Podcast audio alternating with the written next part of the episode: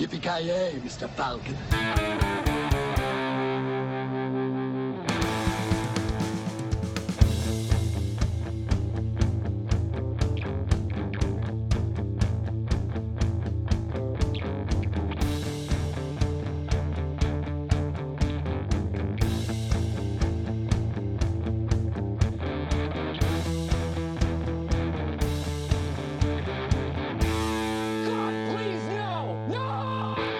Jajamensan, hjärtligt välkomna till avsnitt nummer 44 av Creative Meltdown Podcast. Ni lyssnar på mig, Kalle.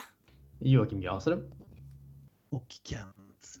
Och eh, ja, Kent har ju då informerat oss om ett ännu ett dödsfall. 2017, you're a son of a bitch alltså. Vad är det som hänt, Kent? Harry Dean Stanton Nej, har gått bort. alltså Jeebus. 91 bara dock, va? Så vet det... om- Ja, ja, det var väl ingen uh, superskräll att, att slutet var nära, men eh, jä- jävligt trist. En, eh, en personlig favorit, Mm. mm. skådis. Har ni någon relation till honom? Eller? Det är ju Alien som Mm. är det, för mig det självklara valet. Mm. Den filmen har man ju sett så ofantligt många gånger så att det, det, det är den som har gjort han ikonisk för mig. Sen har han ju varit med i en ofantlig mängd kända filmer, men Alien är definitivt den som står ut. Mm, ja, samma här faktiskt. Ja, i den och eh, när han spelar Brain i Escape from New York. Det är de två största. Men han har gjort sjukt mycket annat alltså. Han, han var lite så här character actor som man brukar kalla det. Mm. Han blev väl större, eh, större och större eftersom. Ja, precis. Sen var han ju med i eh, Kelly's Heroes som ju också Ja, just det. Den, den har man ju sett i alla fall. Sen så... jag, jag vet inte om jag såg för ung, men jag kanske inte hade samma uppskattning för den filmen som många andra har. Det är ju som efteråt som jag förstått hur, eh, hur fantastisk folk tycker att den är. Mm. Men den är ju en av de andra stora som man var med i. Ja, precis. Gröna milen eller kanske någon som lite nyare film som man kan känna igen honom från. Ja, nej, sjukt, eh, sjukt tragiskt. Men som sagt, han var ju gammal så det var väl ingen jätteskräll. Men det är ändå trist när sådana figurer går bort.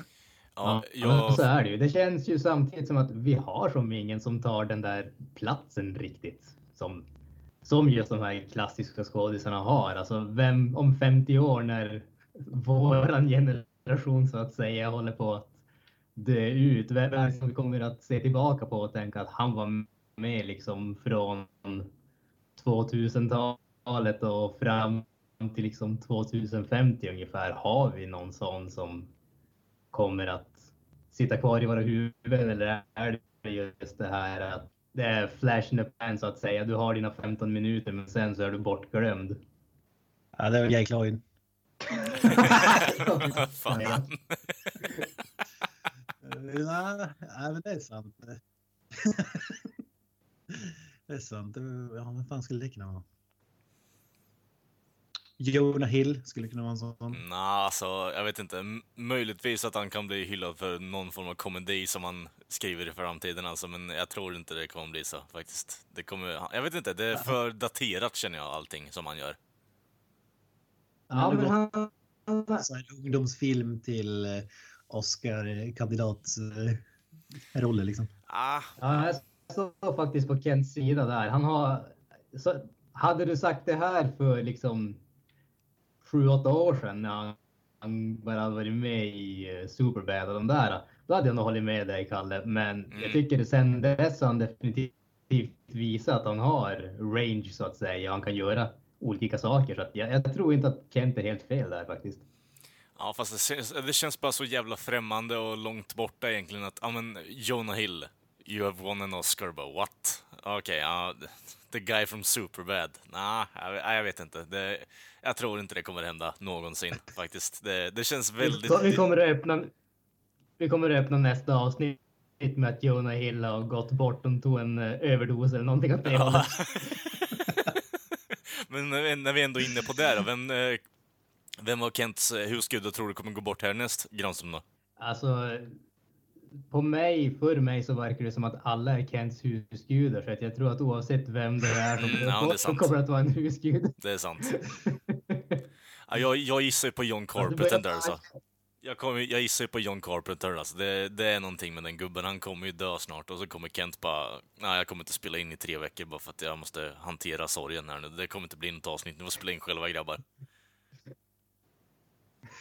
Han, han kommer aldrig dö. Fy fan. Sa i och för om Lemmy också. Men... Ja, precis.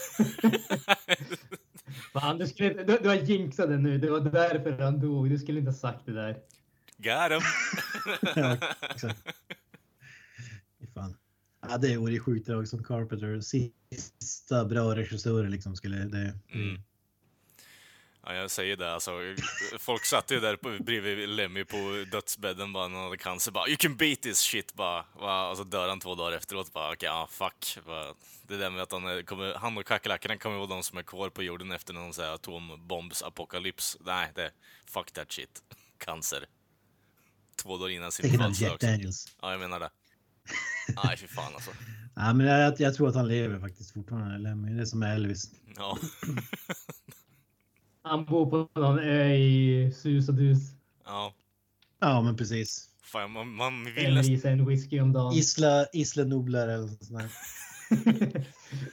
Fan, man vill ju... Dinosaurierna. Ja, Lemmy och dinosaurierna. Fy fan. Nej, men vi går vidare. Hade vi en eh, gissa filmen idag, Granström? Yes, det har vi.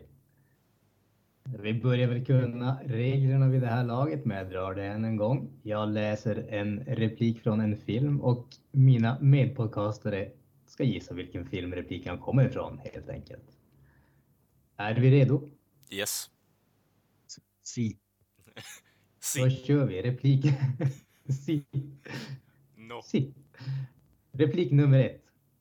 We train young men to drop fire on people, but their commanders won't allow them to drop right fuck on their airplanes because it's obscene. Ta de sista orden där. Ska jag dra om hela eller? Ja, jag kör hela. We train young men to drop fire on people, but their commanders won't allow them to write fuck on their airplanes because it's obscene. Ja. mm. Ja. Jag har ju en gissning, men jag tänker inte dra den nu faktiskt. Vi låter gå. Okej. Replik nummer två. You're an errand boy sent by grocery clerks to collect the bill. Några gissningar? Nej, ingen aning. Okej. Kalle, eh, håller du på din gissning igen? eh, nej, faktiskt inte. Vi, men låt gå. Fortsätt. Okej. Replik nummer tre. Disneyland. Fuck man, this is better than Disneyland. Ja, okej. ehm, eh, det, det, det är ju antingen Plutonen eller uh, Full Metal Jacket är det ju. Vilken av dem är? Vi, vi, vi gissar på Plutonen först och främst, gör vi. Plutonen först. Nope. Okej. Mm. Ja, är det så Ja. enkelt? Full metal jacket. Var, var det så enkelt? Ja, jag säger Apocalypse Now. Yes, Kent Okej. rätt. Yes. Någon krigsfilm var det i alla fall. Det krigsfilm ganska tydligt. Mm. Ja. Kan dra de andra replikerna också. The heads. You're looking at the heads. Sometimes it goes too far. He's the first to admit it. Och sen nummer fem. What the hell do you know about surfing major? You're from goddamn New Jersey. Sexan. We use Wagner. It scares the shit out of the slopes. My boys love it. Sjuan, åttan, de är ju ultimata klassiker. Hade vi inte tagit det på det här, det säger jag varje gång, då hade jag skämts. I love the smell of napalm in the morning. Och the horror. The horror. Napalm måste vara den sista Ja, faktiskt. eller? Var det Jag tycker the horror är ju, det, det är ju den som... Eh, I och för sig så kanske det beror på att jag såg, eh, eller läste boken innan jag såg filmen. Så att eh, därför den biten stannar kvar för mig. Popkulturellmässigt så är det väl I eh, love- Napalm in the ja, morning precis. säga. Precis. Ja, kanske det är. Charlie, don't House- surf! ja, sjukt bra. bra gissat. Jag tror jag Mm. måste göra de här svårare. Ja, det är väl dags känner jag för en uppgradering egentligen. Tillbaks till Eh, Vi ditt går bord. vidare. Kalle, Ja, vad har hänt i veckan? ja Kent, vad har hänt i veckan? Det har varit så här att jag har eh, fortsatt kolla på Bojack Horseman, kom förbi eh, Penguin Publishing-arken. Eh, ja, lite nöjd faktiskt ändå. Eh, fortsätter kolla. Eh, fan är jag nu? Inne på säsong två, hälften på säsong två. Ja, det, jag är såld nu, jag är fast. Jag måste se klart det. Så enkelt är det va? Så. Eh, Ja, det börjar jag också kolla vidare på Bojack Horseman. Jag hade tänkt säga du har så in i helvete fel, men nu har du insett att du hade fel förra gången. Mm. Eller jag, in- insåg inte att jag hade fel. Det är mer att det tar ett tag innan man kommer in i vad fan det är de vill eh, komma åt egentligen. Men alltså, jag gillar karaktärerna, helt klart. Eh, humorn, det är lite mindre så här cutaways nu faktiskt, så det, det tycker jag är bra. Det, jag vet inte, det känns som att första avsnitten var lite mer bara ritbordsgrejer, och sen så gick de tillbaka och kollade vad fan är det som är bra, vad är det som är dåligt, och sen så har de förbättrat det. Så det är helt klart bättre nu i alla fall, tycker jag. Eh, Men, eh, ja, Ja, Ja, kör du. nej, jag skulle bara säga att jag, jag har ju... eh, jag blev också inspirerad så jag har faktiskt också fortsatt kolla på Bojack Horseman. Ja, Eh, jag tänkte bara säga att jag, jag, det som jag reagerar på, nu var jag såg ju första två säsongerna när de kom precis. Jag har sett tre avsnitt tror jag nu av tredje säsongen. Mm. Den är betydligt mer drama än vad jag kommer ihåg att den ja var. faktiskt. Faktiskt. Det, det är mer så här bara, jag vet inte, tragikomedi i tecknad form, vilket gör det lite intressant egentligen, men jag vet inte, det, det är ju mer fokuserat på hur fan fucked up i huvudet han är egentligen och varför han är på det sättet som han är. Men eh, ja, jag tycker det, Mm. de gör det riktigt jävla bra nu. eh, In på andra säsongen. Det kan vara så att jag hoppat in på tredje, jag vet inte, vi får se lite. Jag håller inte räkningen, men det är bra än så länge dit jag kommit i alla fall. Så. Har det hänt någonting mer? Eller har du Eh, gjort någonting mer? Sen har ju även, för de som är insatta och intresserade i alla fall, eh, har ju Foo Fighters släppt ett nytt album igen också, eh, Concrete and Gold. Och eh, ja, positivt överraskad där också. Eh, gillar inte riktigt Sonic Highways där, när den kom ut, men eh, I am the river. Bara nej, det, det blir inget Dave. Dave, gå tillbaka till skrivbordet alltså. Vad håller du på med Dave? På, på, en ska, på en skala 1 till 5, hur mycket riks FM är? Eh, Concrete and Gold. Ja, den nya. Ja, den nya är väl... Jag vet inte, jag skulle säga att den inte är Rix FM. Jag har ju inte lyssnat på hela, jag kommer bara till hälften. Jag, den kom ju igår, tror jag. Så det hann ju inte lyssna på det så jävla mycket, men... Eh, eh, det lilla jag lyssnade på var riktigt jävla bra. Eh, jag får lite Pink Floyd-känsla över det faktiskt. Så det, det är inte riktigt så här... Vissa Pink Floyd-låtar är ju väldigt Rix FM egentligen. Det är väldigt spelvänligt på radion, men eh, kanske inte numera. Men Tänk dig mer att det är eh, Echoes-känsla lite där, att det är lite drönande på. Men det, jag tycker det är bra än så länge i alla fall. Kommer lyssna klart på det i veckan. Ehm, ja, sen har det inte hänt så jävla mycket mer.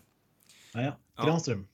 Jag har ju fortsatt i eh, tv-spelssvängen så att säga. Fy fan. Vad kan du tala med? Jag, jag kom en mening innan jag sa det där. Ah, ja, det spelar roll. Jag har spelat... Eh... Vad är problemet med det här? säger du? Han har blivit en no-lifer nu, det är det som händer. Han kommer liksom erkänna att han har börjat spela mer än vad jag har spelat, så ja, go on.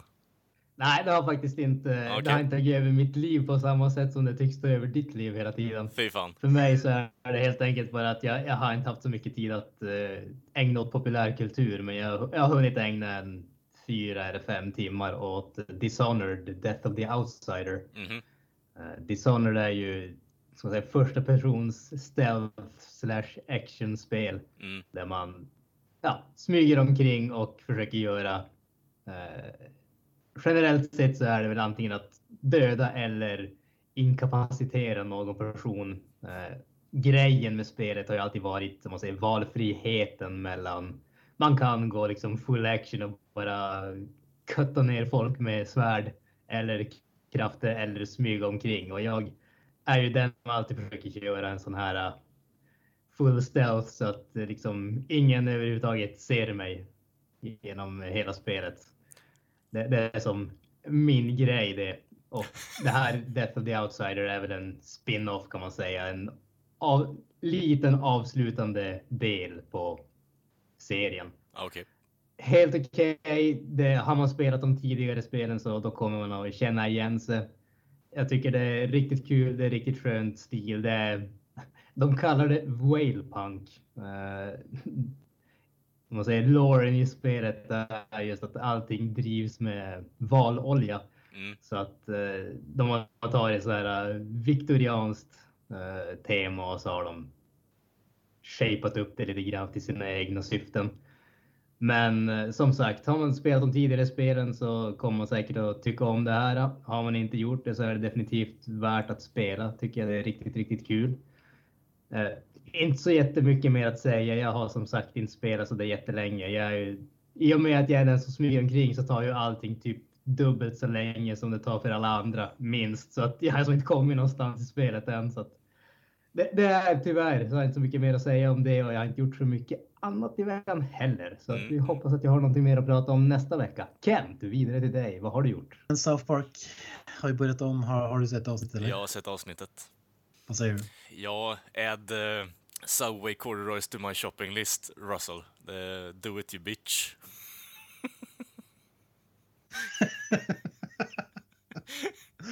Ah. Ska jag säga en, en, en, sak, en sak med det här avsnittet som är briljant men som vi inte fick uppleva. Mm, nämnde. Eh, avsnittet, ja, men avsnittet handlar om såna här, eh, vad kallas det, inte Google Home men du- har liksom Siri, Ja. motsvarigheten till- Siri på iPhone i hemmet. Mm. Och, eh, och jag tror det är Amazon som har den här Alexa. Ja. Eh, ja, det, spelar ingen roll vilken det är. Men eh, i hemmet liksom och som, som styr vissa delar av ditt hem. Och som Cartman då pratar med liksom add massa svärord till the shopping list. Ja. Och när, när han säger det i det här avsnittet, det var det som var så briljant som när jag såg det fattade jag som inte grejen med, ja okej det var kanske lite kul men det var att när de som kollade på avsnittet i USA hade den här uh, Amazon Google-grejen hemma. Så när Cartman säger Alexa, turn off the lights. Släcktes lyset i deras, i deras hus och typ Alexa, add cock and balls to my shopping list. Då säger deras såna grej, add and balls to the shopping list.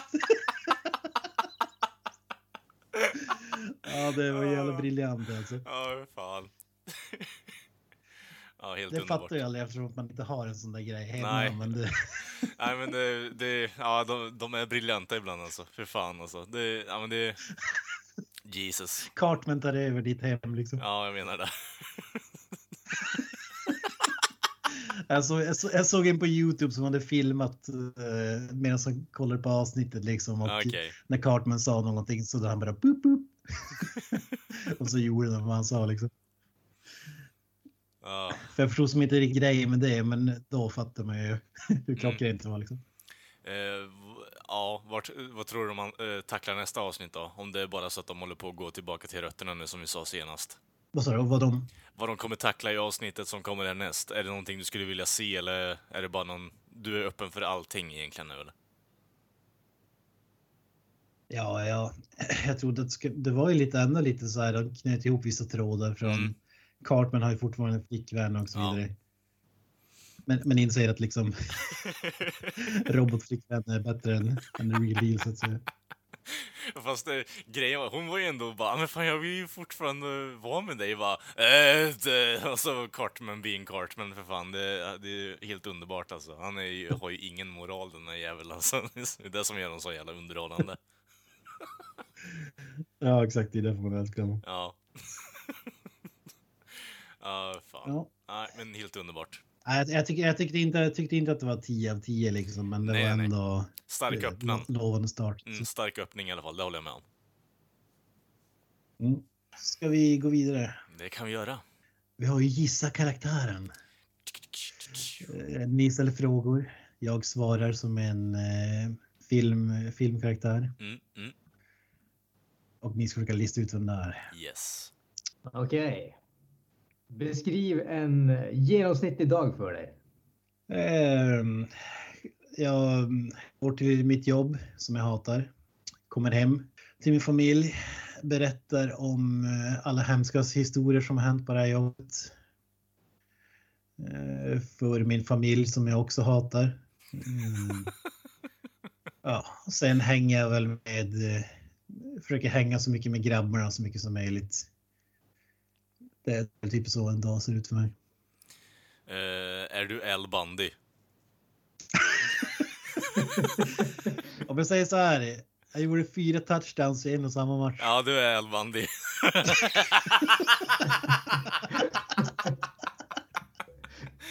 Jag är fan imponerad över den där gissningen, eh, Kalle. Ja, Ja, jag har kollat på... Jag har kollat på f- eh, mer avsnitt än jag vill erkänna på Married with Children. Jag, jag vet inte, jag har någon form av love-hate relationship med den serien. Den är, den är så sjukt bra faktiskt. Vi går vidare tycker jag. En, Vi går vidare till nyhetssvepet. Eh, vi börjar som vanligt i musikens värld. Mhm. Gene Gene Simmons. Simmons. Bra Kiss? alltså, ja. Det kommer att komma en dag där jag inte skrattar åt det där, men den dagen har inte kommit än. Nej.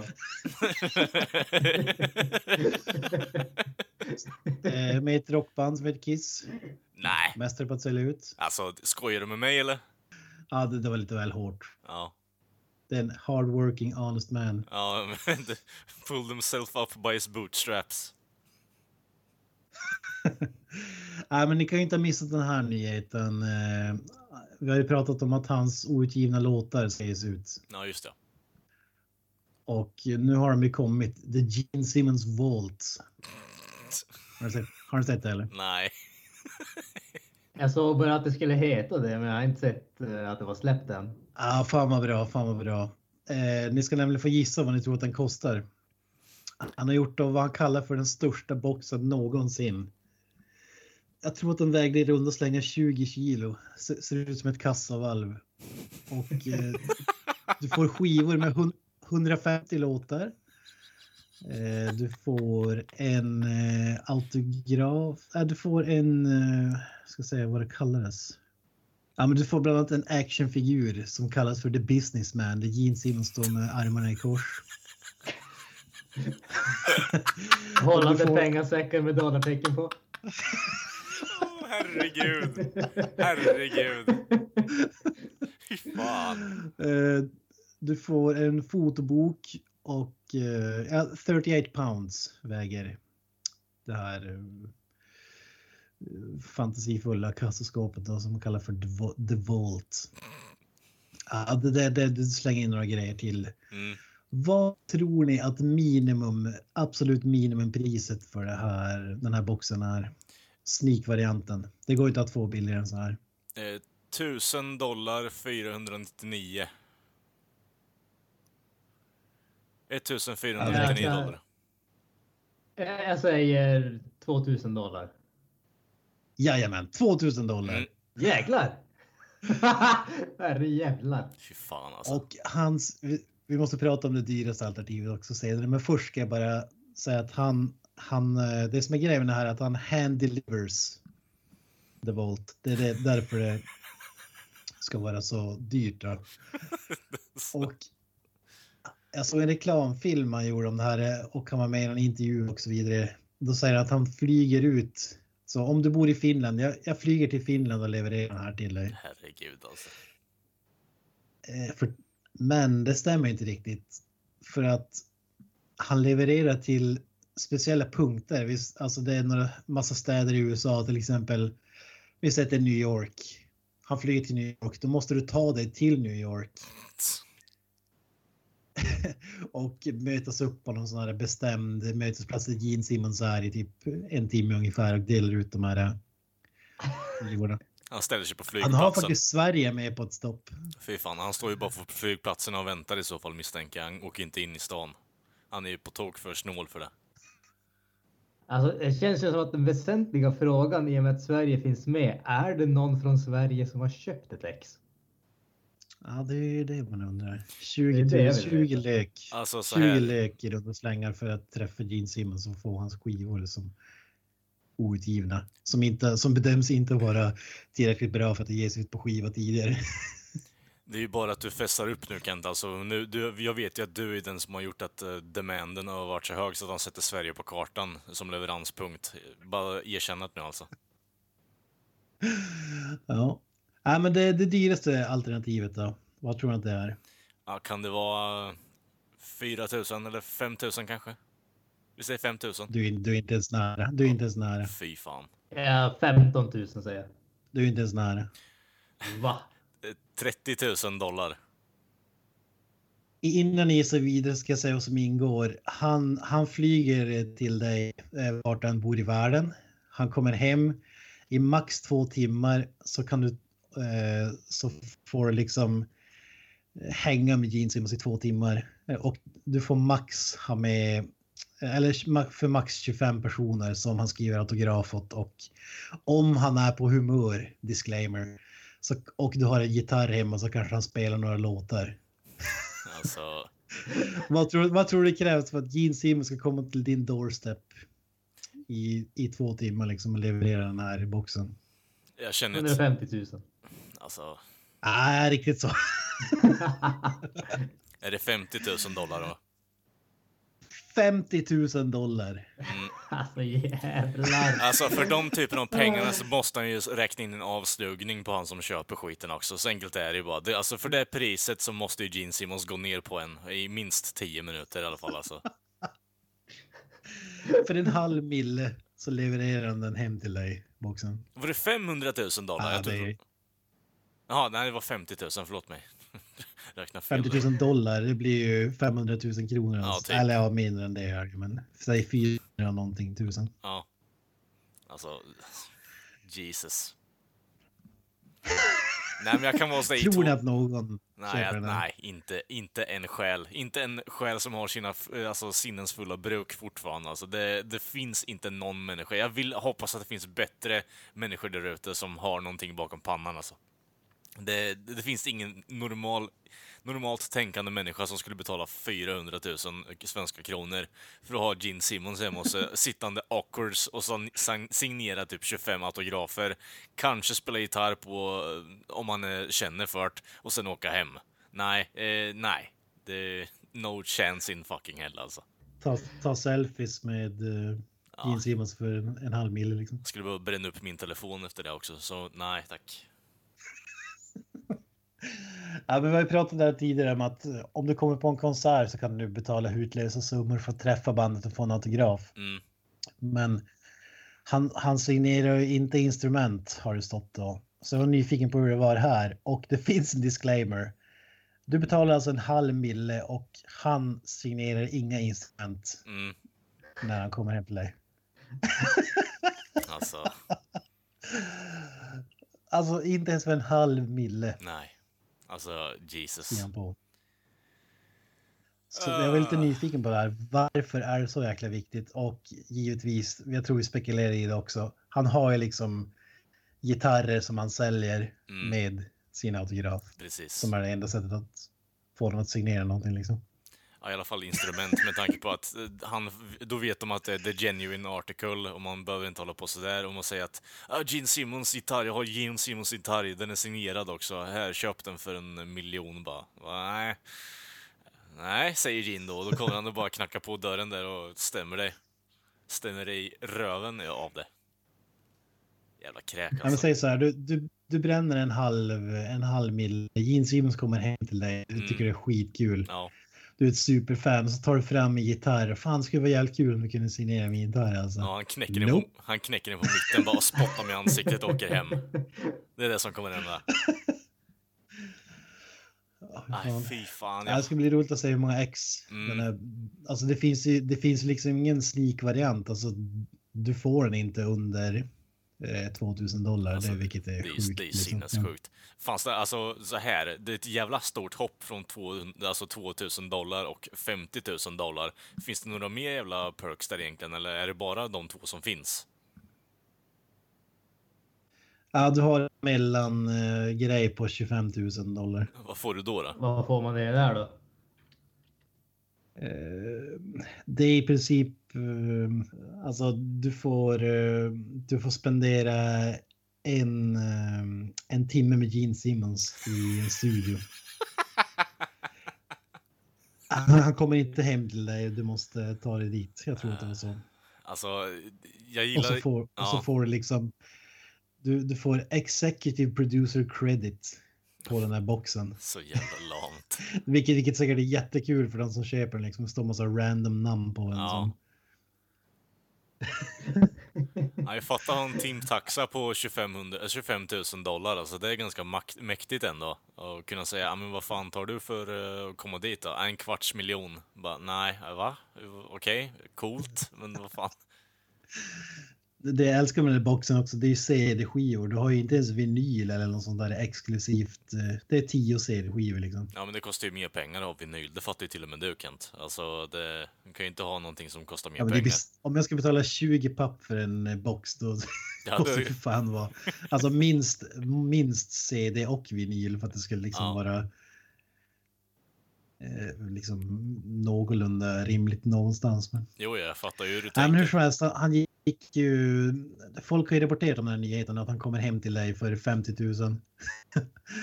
och eh, det står på hans hemsida också. Men han har ju haft en Donald Trump moment. Han har ju gått ut och anklagat massa sidor för fake news, som man kallar det. Ja, Fake news, I hand delivered them for 2000 dollars, not 50. Han menar då att ja, men typ om jag vill ha den här skivan då måste jag ta mig till Tokyo eller New York eller vart han nu är den dagen liksom. mm. Eh, att det är lika med att han flyger ut till dig för att han har tagit sig till en stad Mm. nära dig. Så att. Men alltså, ja herregud. Fan. och han menar att det är festen, festen du får, eller typ hang around i två timmar eh, hemma hos alltså, din doorstep som kostar 50 papp. Ja, det var kul. Hans fake news, det sprutar ut på, på Twitter liksom. Han bara fake news, they're recording, fa- reporting fake news. Alltså, nu börjar jag misstänka att eh, det här är någon form av konspirationsteori. Eller vad tycker ni? Alltså, eh, nuvarande amerikanska presidenten säger, Gene Simmons säger, finns det någon korrelation? Är de båda samma person? Vad är det som händer? Båda är ju pengakåta deluxe. Där har vi ett. Båda två är ju åldrandes och ser ut som att de inte har något hår kvar på huvudet. Eh, Gene Simmons har ju varit med i The Apprentice. ja, du ser. No coincidence här alltså. Jag, jag, är, jag är för den idén att Donald Trump och Gene Simmons är samma person alltså.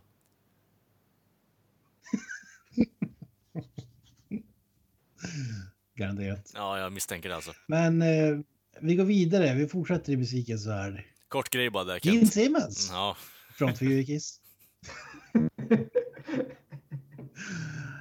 ja, men han eh, ska ju reunite med Ace Frehley ja, eh, för en benefit show. Mm. Eh, där, It will benefit Gene Simmons. ja precis. Ja, exakt.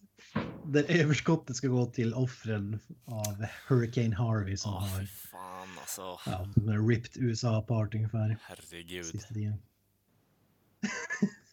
Ja men alltså. Det är en sak att sälja sitt eget jävla skit alltså, men det där gör mig fan illamående. Alltså dra nytta av andras eh,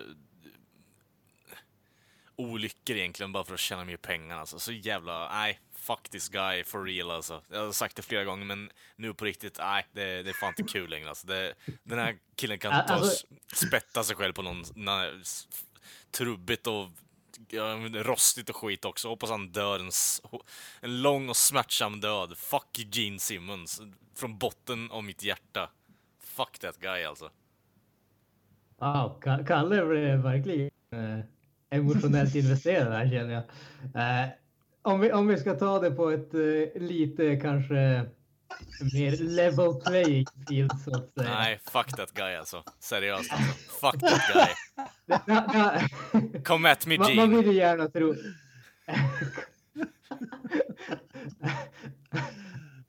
Om du hade jag vet inte 50 om det 000 stämmer. dollar att betala han för att komma och spela så skulle han säkert ta det. Ja, antagligen. Nej, men man, när man hör något sånt här, man vill ju gärna tänka att eh, han gör det från uh, godheten av sitt hjärta. Jag menar, det, det är ju alltid så att alla kändisar, liksom, eller alla och alla, men många kändisar försöker ta liksom, chansen att hjälpa och göra grejer som är bra för deras community och de som har haft det svårt, speciellt när sådana här katastrofer inträffar. problemet när det kommer till Gene Simmons är att han ju gång på gång på gång på gång visar att han, han är inte intresserad av att hjälpa någon annan än sig själv. Nej, det är ju precis. där den liksom, negativa konnotationen kommer ifrån. Mm. Så som sagt, man vill, man vill gärna att, eh, att han har andras bästa intresse i, hjärtat, men sanningen är nog att han har nog förmodligen ingen annans intresse än sina egna där. Nej, och just därför känner jag att det här är typ den vidrigaste nyheten vi har någonsin haft. Alltså, cancer... eh, Sparka någon bara för att, liksom, för att han har tagit ut för många sjukdagar. Det är också så jävla vidrigt, men alltså det här är någon helt annan grej. Alltså det här är mer... Ja, jag vet inte. Det, det så spritt. Ja, nu, nu tycker jag att sparka någon för att de har cancer smäller högre än det här, måste jag säga. Ja, det, är ju, det är ju inte bra, säger vi. Det är ju inte bra, men det här är ju mer bara, okej, den här orkanen bara drog loss och fick folk att lämna hem och folk, hems, folks hem blev förstörda och allt sånt där. Jag ska kapitalisera på det. Eh, Gene go fuck yourself alltså. Så, nej, nej, fortsätt. Ja, men inte nog med att den här eh, hurricanen drabbar dem. Nu ska de tvingas lyssna på Gene Simmons också. Ja, det är ju en katastrof eh, i sig liksom. Ja, men jag tolkar som att du tror att överskottet inte är särskilt stort och som går till Ja, liksom. l- lay it on Kent. Hur, hur många procent får de här stackars människorna som har förlorat hemmen medan Gene Simmons bara pocketar resten? Vad är det som händer? Men säg så här, de får ingen signerad gitarr i alla fall. Nej, precis. Ja, fy fan. Och han kommer definitivt inte att signera deras gitarrer om det skulle Nej, vara det, det är sant också. Hade du någon procent på hur mycket Ja. han skänker där, Kent, eller? Ja, nej, nej, nej, det är bara överskottet. Men överskottet kan ju vara vad som helst. Vi säger att han tar en miljon dollar för att uppträda liksom. Och så sen det som blev efter det går till offer. Alltså det är omöjligt att veta. Mm, Och Gene Simmons är inte den jag skulle liksom lita blind på så att säga. Vid, nej, vid sådana här tillfällen liksom att han eh, kör pro bono eller vad man ska kalla det. nej, precis. Alltså, Ytterst tveksamt. ja, nej, fuck that guy. Eh, ja, vi fortsätter lite i Gene Simmons anda. Eh, Ozzy Osbourne har ju, var ju tidigare rapporterat om att eh, Gene Simmons tyckte inte att det var värt att göra en ny platta för att ja, det, det lönar sig inte helt enkelt. Det är inte ekonomiskt lönsamt att göra en ny skiva. Det är Ozzy Osbourne samma sak. Han kommer inte göra en ny skiva för att det är waste of money. Eh, Uh, ja, vad tror ni? Har, har, har Gene Simmons influerat eh, Ozzy eller är det så tragiskt numera att det är inte värt att göra en ny skiva om det inte kan liksom tora med den så att säga? Eh. Alltså, jag, jag tror ju att du, du har rätt i den senaste biten som du säger där, just att uh, touring, touring är där de tjänar pengar. Jag menar, så har det ju varit sedan länge för de allra, allra flesta banden. Det är just det där att de lägger ut skivan för att folk ska ha en möjlighet att lyssna på musiken, men det är från, från tourandet som de tjänar pengar, säljer merch och hela den biten.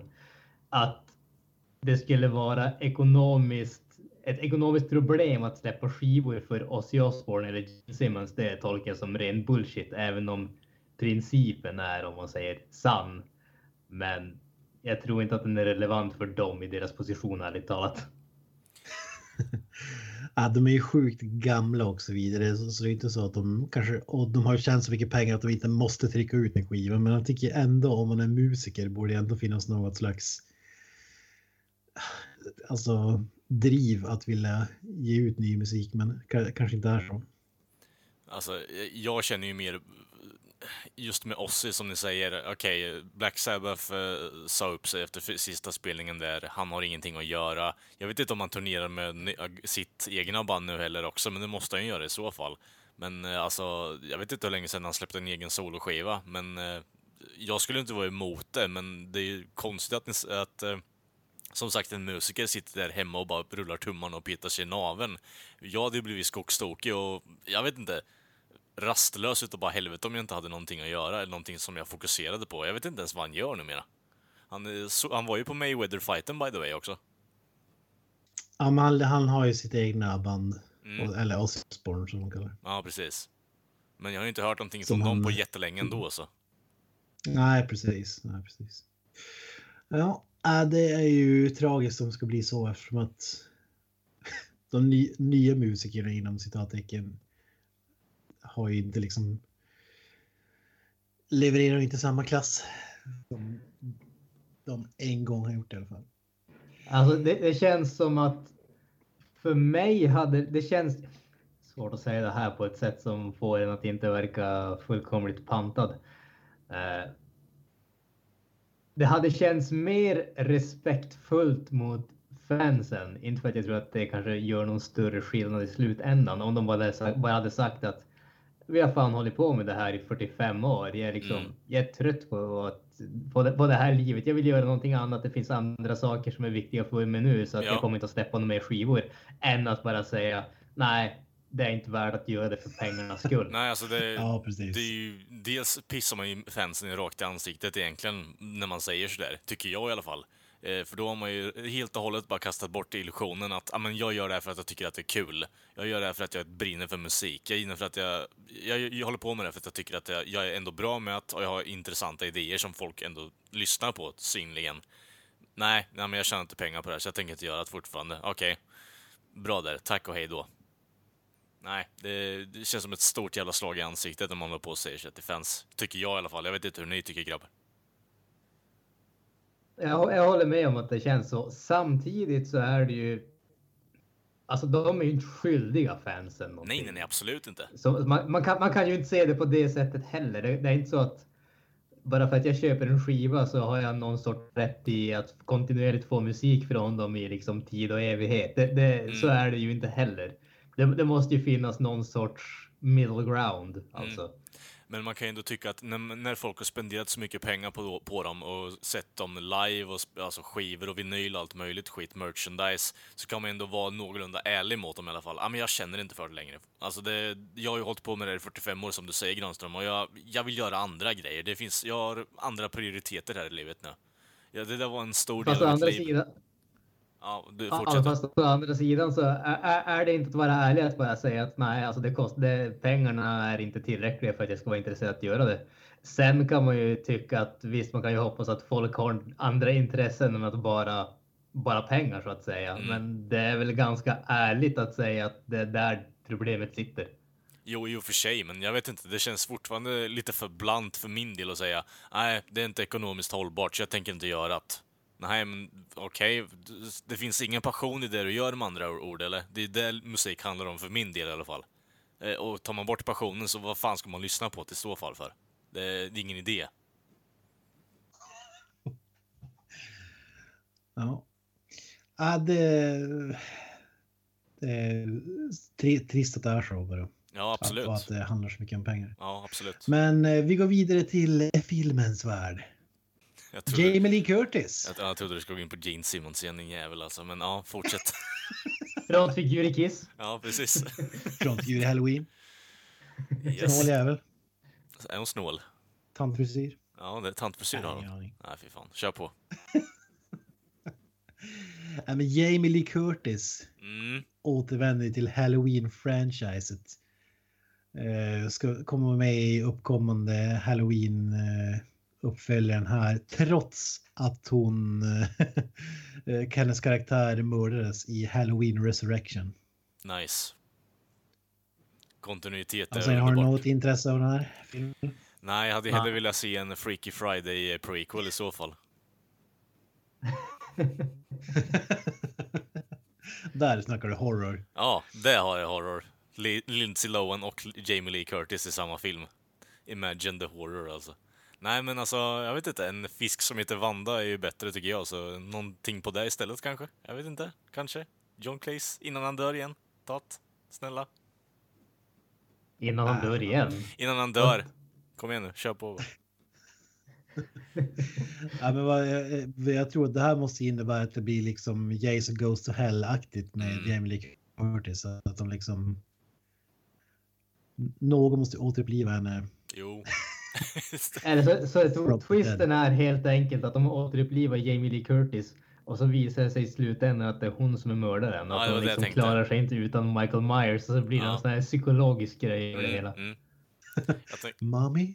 Ja, precis. Det var det jag tänkte att det blir. Att hon är Michael Myers i slutändan. Surprise bitch, och så tar av sig masken och så bara har du någon med grått vitt hår där som står där och ser tantig ut bara. Nice. Ja, men får, får se hur det där blir. Mest troligt eh, en flopp. Men Ja, John Carpenter är med på tour så mest troligt blir det magiskt. Skulle han producera eller vad var det? Ah, lite oklart vad han har för roll, men han finns eh, oklart om det bara är att han ger filmen sin blessing Ja. efter att ha fått eh, en miljon i fickan eller om det är liksom så att han verkligen är on location. Det är det jag jag det är lite oklart. Ja, Okej, ja men det är det jag tänker mig, att de sitter vid sitt stora mahognyskrivbord, räknar pengarna han har fått från det här och sen så får han någon, något samtal bara Is it, is it okay if we do this John? Bara Yeah I don't care, but do whatever you want. och så bara I, We got the blessing, bara go for it, go! Och så bara floppar den totalt. Han är så skön för att han är brutal. Han, eh, han säger bara att exakt det du säger nu säger han typ bara ja. Typ får han frågan liksom vad tycker du om att de ska göra om dina gamla filmer som är klassiker typ. Mm. Ja, så länge de betalar mig för det så är det grönt ljus liksom. Ja, ja.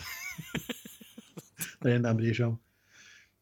Eh, men vi går vidare till Star Wars.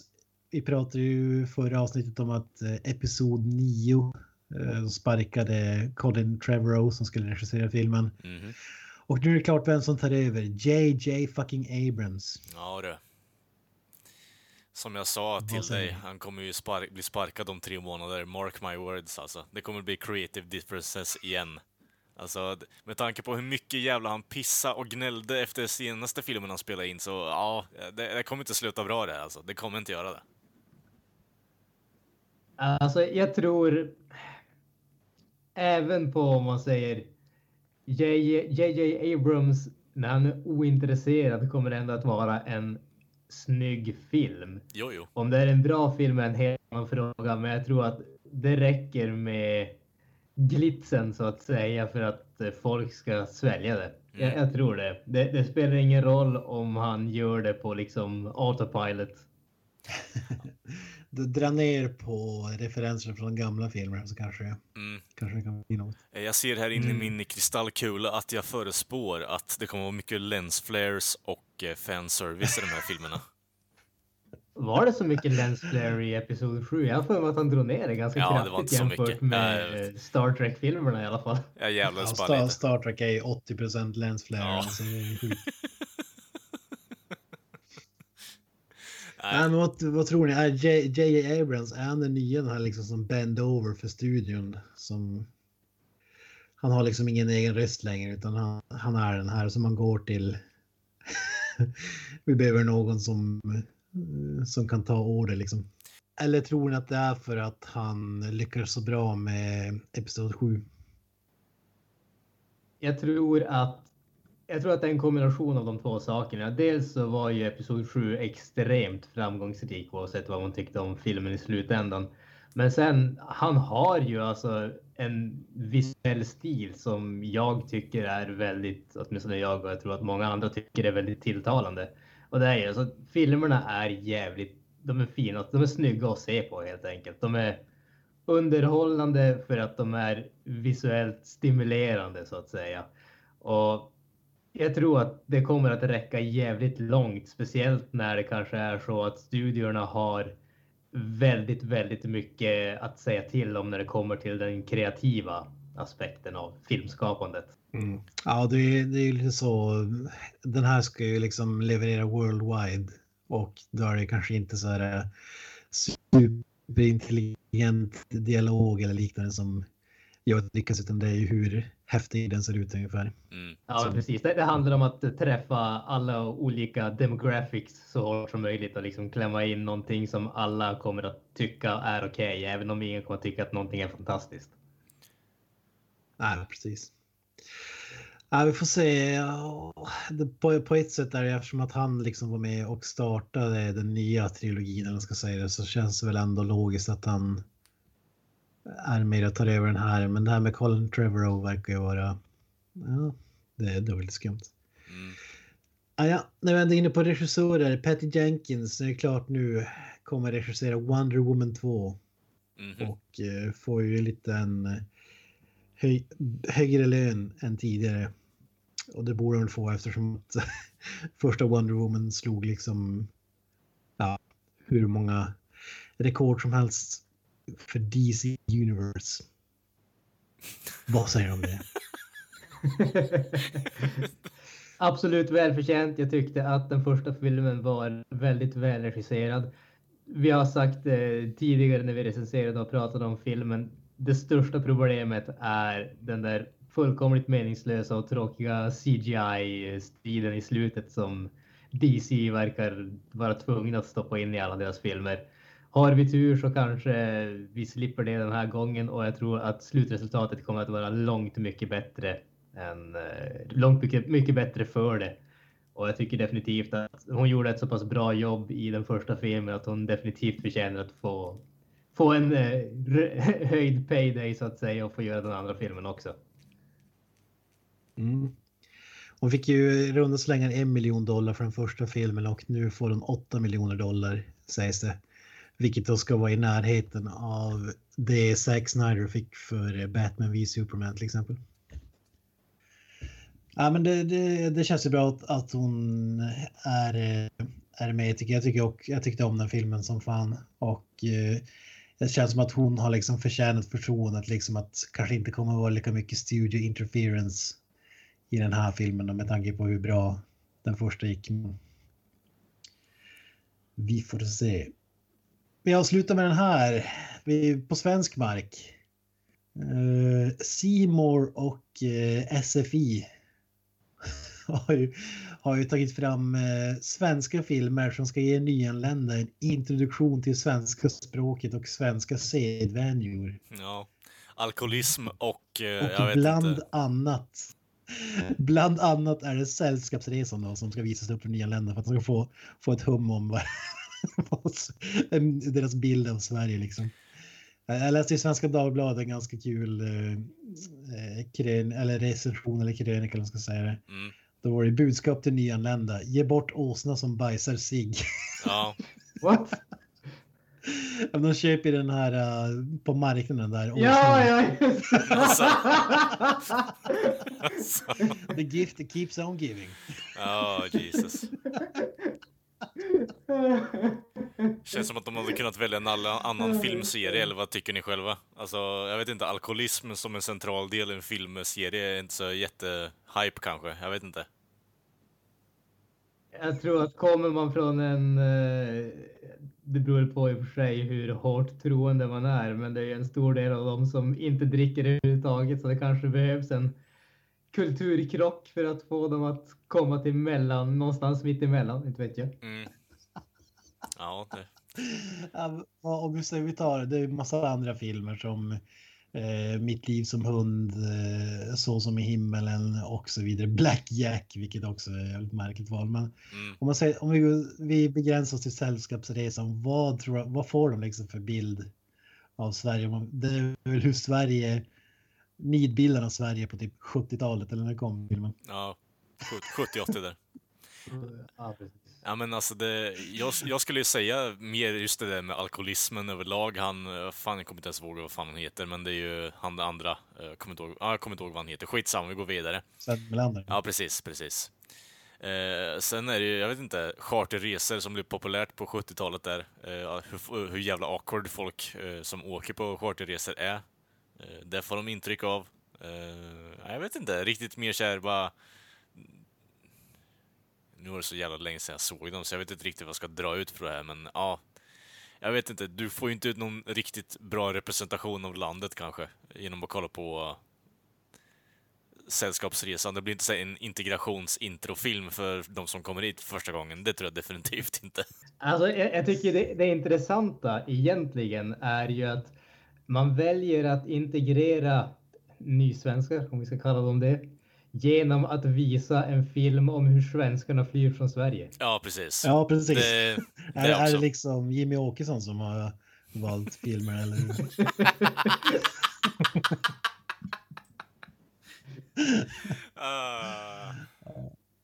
Nej, men alltså jag älskar Sällskapsresan-filmer. Jag tycker de är kungliga, men uh, det känns jäkligt märkligt alltså att den liksom skulle vara ge, liksom en bild av hur ja, inte... svenskar är. De filmar mycket, mm. de reser mycket, de köper åsnor som bajsar sig. De... Mm, mm. Ja. Jag vet inte, det känns inte riktigt som eh, sagt introfilmen för att komma hit. Bara, så, här, eh, så här lever vi. Vi lever på charterorter och eh, gör bort oss totalt på semestrarna. Nice, då vet vi. Jag, jag är lite ledsen över att de inte valde typ någon sån här Beck-film eller någonting åt det Ja. om, ni, om, ni, om ni hade fått välja film för, för det här ändamålet, vilken skulle ni ta då? Liksom?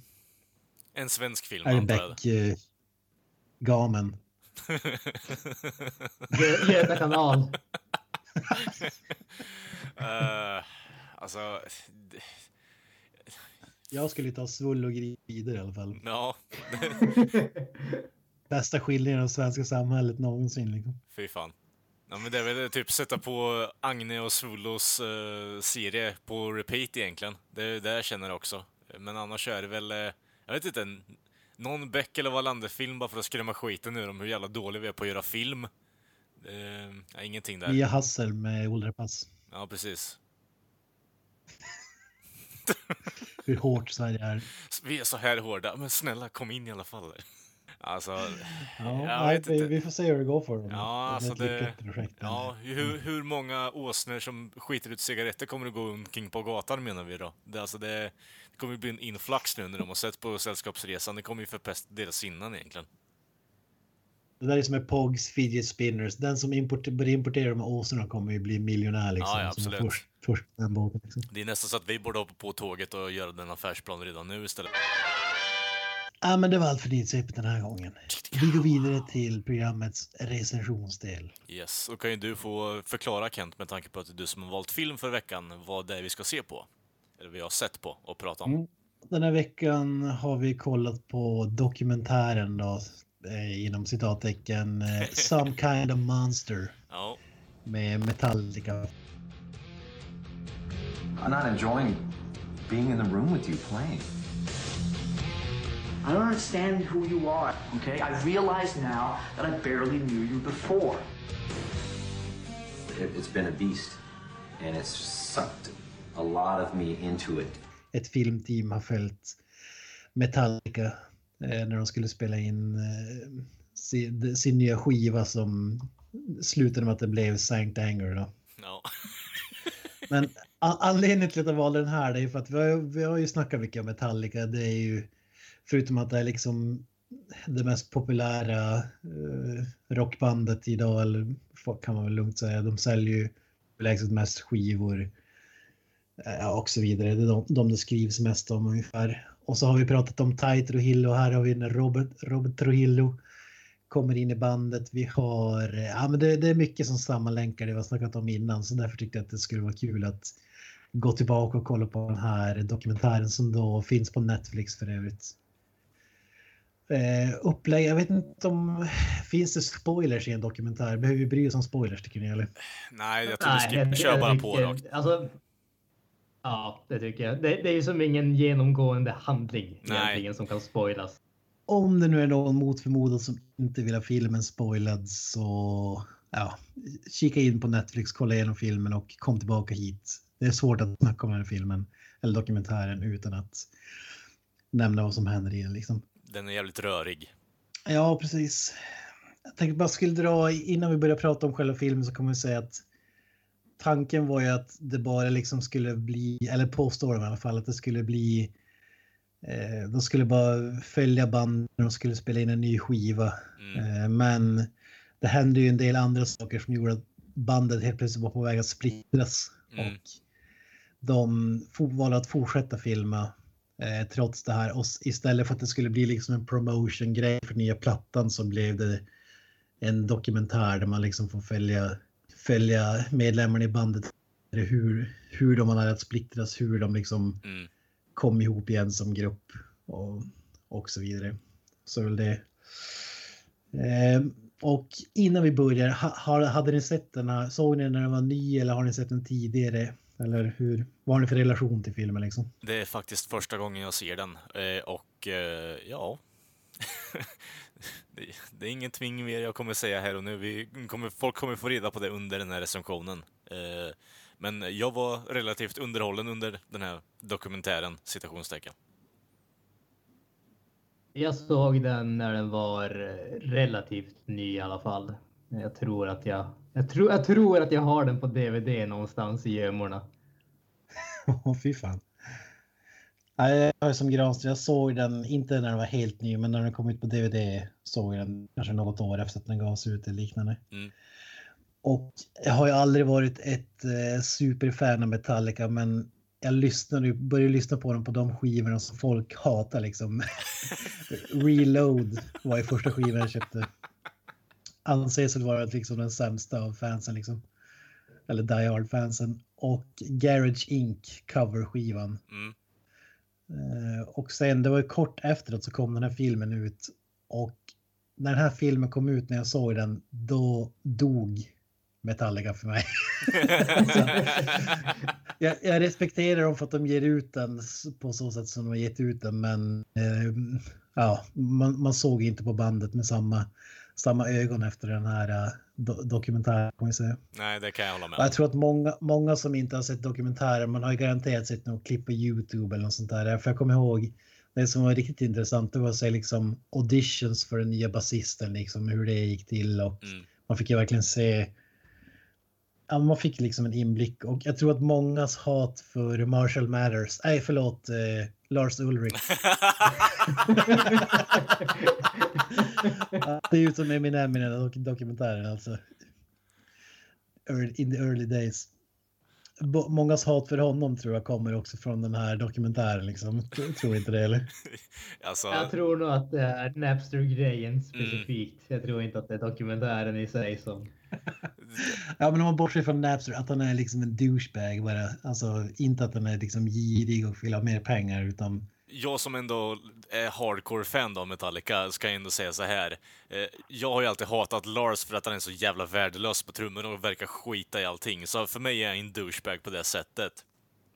Eh, och för mig har ändå James eh, varit en central del. Han är ju typ den bästa i bandet för mig numera i alla fall. Men sen jag såg den här hela dokumentären så, jag vet inte, båda de två är ju douchebags rakt igenom egentligen. Alltså det, det är så sinnessjukt. Det är ju battle of the minds och vem det är som är den största douchebagen egentligen. Eh, Och så har du Kirk Hammett som sitter där som en efterbliven femåring på hörnet och inte gör någonting. Han bara sitter där och gnäller över att, ja men fan, ska vi ha solo med i låten i alla fall eller? Ska vi ha det? Ska vi ha det? Och så typ klappar James honom på huvudet och skickar iväg honom nerför korridoren typ. Ja, precis. James Hetfield får man ju en helt annan bild också. Eller att han också. Men tillsammans bildar de två. Kommer de ju nästan upp i Gene Simmons nivå alltså tycker jag. Ja, det... Ja, alltså det... girighet, ego och Mm. ja.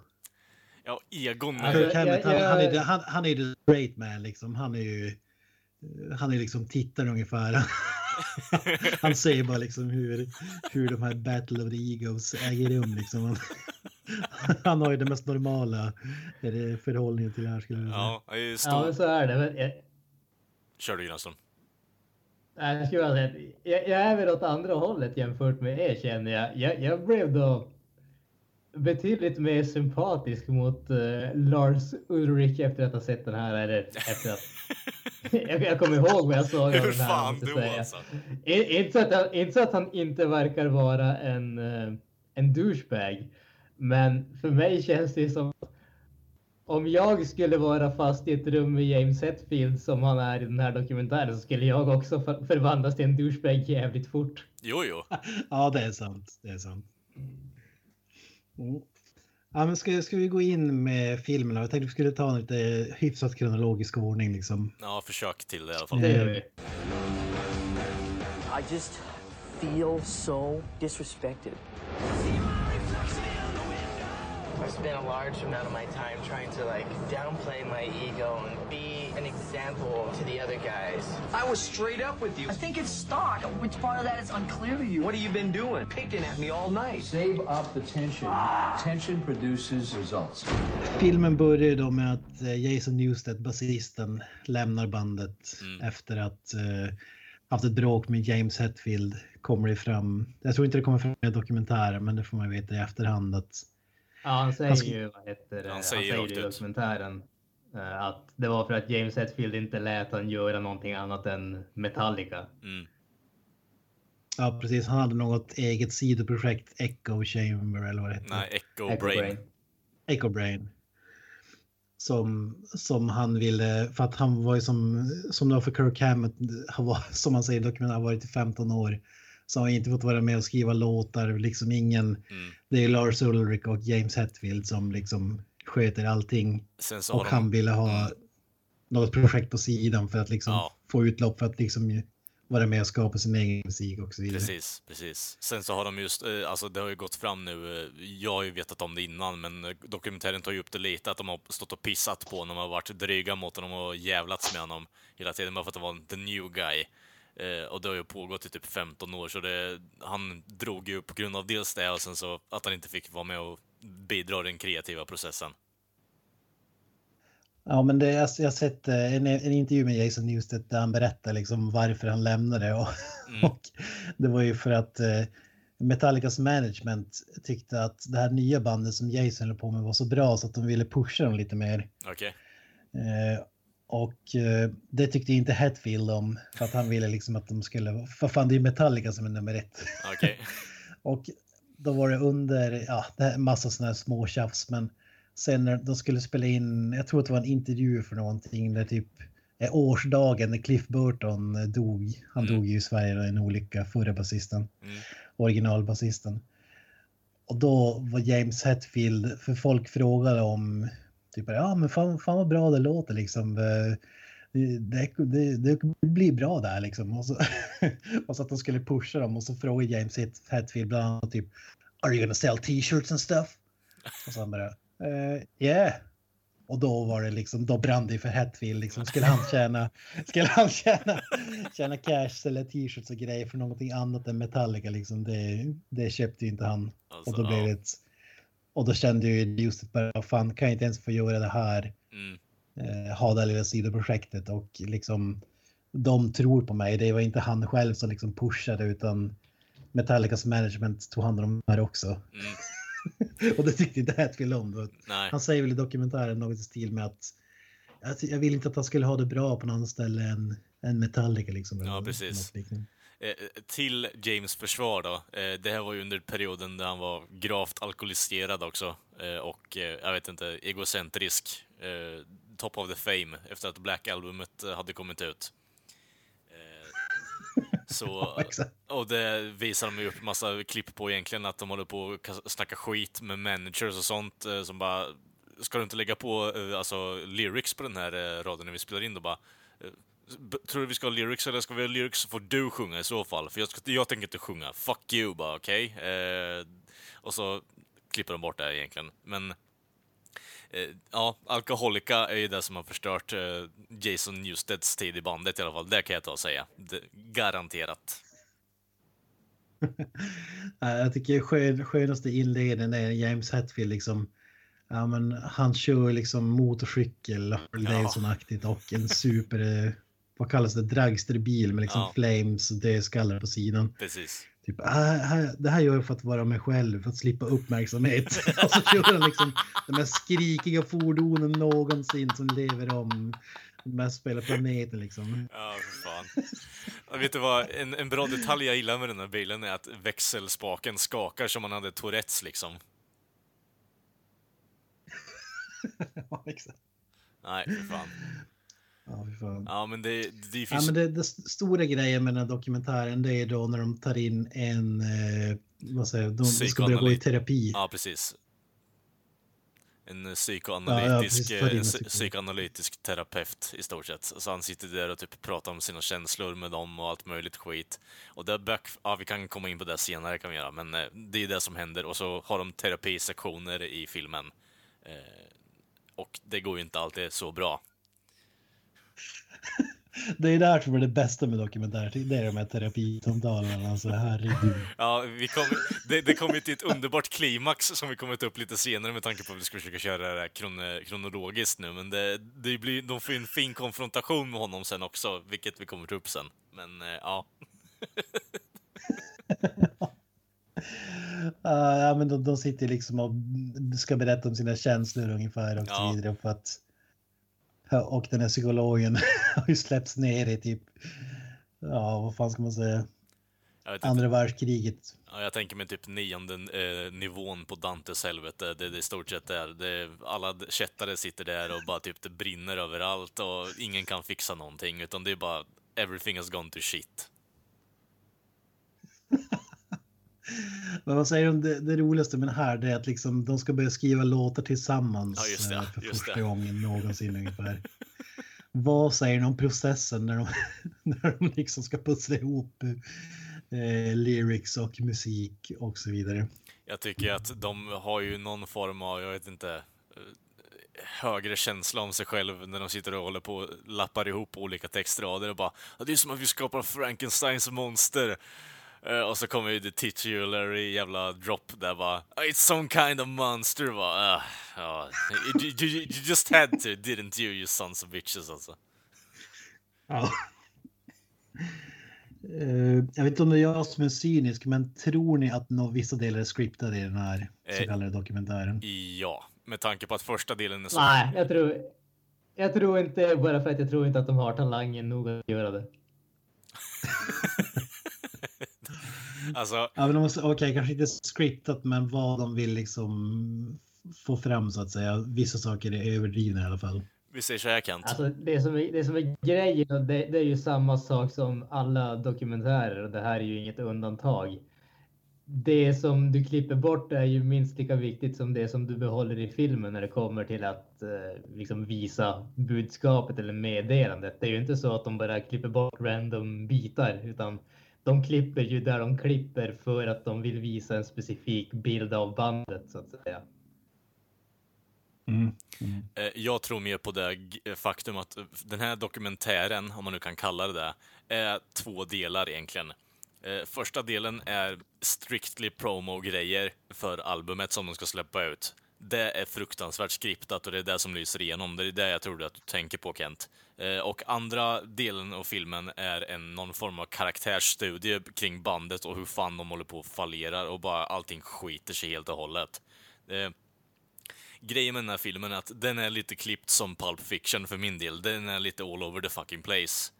Eh, och det som gör att den känns så pass skriptad är att de lägger in just de här promo-grejerna någon gång ibland när det känns relevant. Och sen så tar de upp det där med att bandet håller på att gå åt helvete. Eh, bara för att bryta upp eh, grejen där egentligen. Men alltså, den är klippt på ett så sätt så att det, man vet inte riktigt vart den börjar eller slutar. Men jag tror ändå att den är filmad på två sätt i alla fall. Ena sättet är promo-grejen och andra är någon form av dokumentärsaktigt kring bakom kulisserna i bandet. Det är det jag tror i alla fall. Ja, det, det jag ska komma ihåg med den här som gör mig lite så här äh, skeptisk till den här, det är ju att Metallica själva ligger bakom filmen och Ja, dokumentären. Precis. Alltså, eh, som sagt, det skulle vara ett promo-grej, men sen valde de att fortsätta filma. E- Enligt dokumentären, jag vet inte hur sant det är, men eh, för att de ville visa att det blev liksom en dokumentär då, istället för liksom bara hur plattan spelades in liksom. Mm. Ja, äh, men för, för att eh, när man har, får lite insyn hur det funkar med tv och sånt här. Alltså visst, eh, vissa dokumentärer smyger bara in en kamera liksom utan att det påverkar någonting. Men när de sitter vid ett bord och så här, då vet man liksom, det är den som filmar som säger typ, ja men om James sitter här, Lars sitter här, du sitter där och så kan vi filma här. Så prat, prata lite om, om bandet eller nya skivan. Alltså, det de säger är ju kanske, det, det, kan, det kanske är äkta, det mesta av det, men det är ändå arrangerat på, på så sätt liksom. Det, så, så funkar det bara. Vad tycker du om, eh, Men eh, vad tycker du om Lars eh, fuck-scen när han skriker ut sin frustration mot James i hans ansikte då bara? alltså den tror jag inte är for real. Nej. Alltså, jag tror att de klipper i den också. Han, Ja. han är ju sur på James Hetfield. Nu, hoppar vi lite grann framåt där, men Mm. han är sur och skriver, han sitter på ett bord för det första. Han sitter inte på en stol. Mm. Eh, Alla andra sitter på stolar och- säger typ fuck, fuck. Och så går han fram till dem och skriver fuck i ansiktet till honom.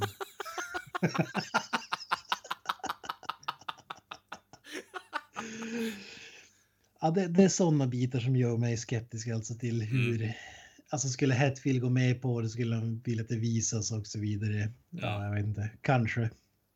Who knows, men... Ja, jag är lite skeptisk där också säga. faktiskt. Det var därför jag tog upp den. Men eh, vi fortsätter på den här kronologiska resan i Metallicas nedfall eh, i och med spelandet av Sant Anger.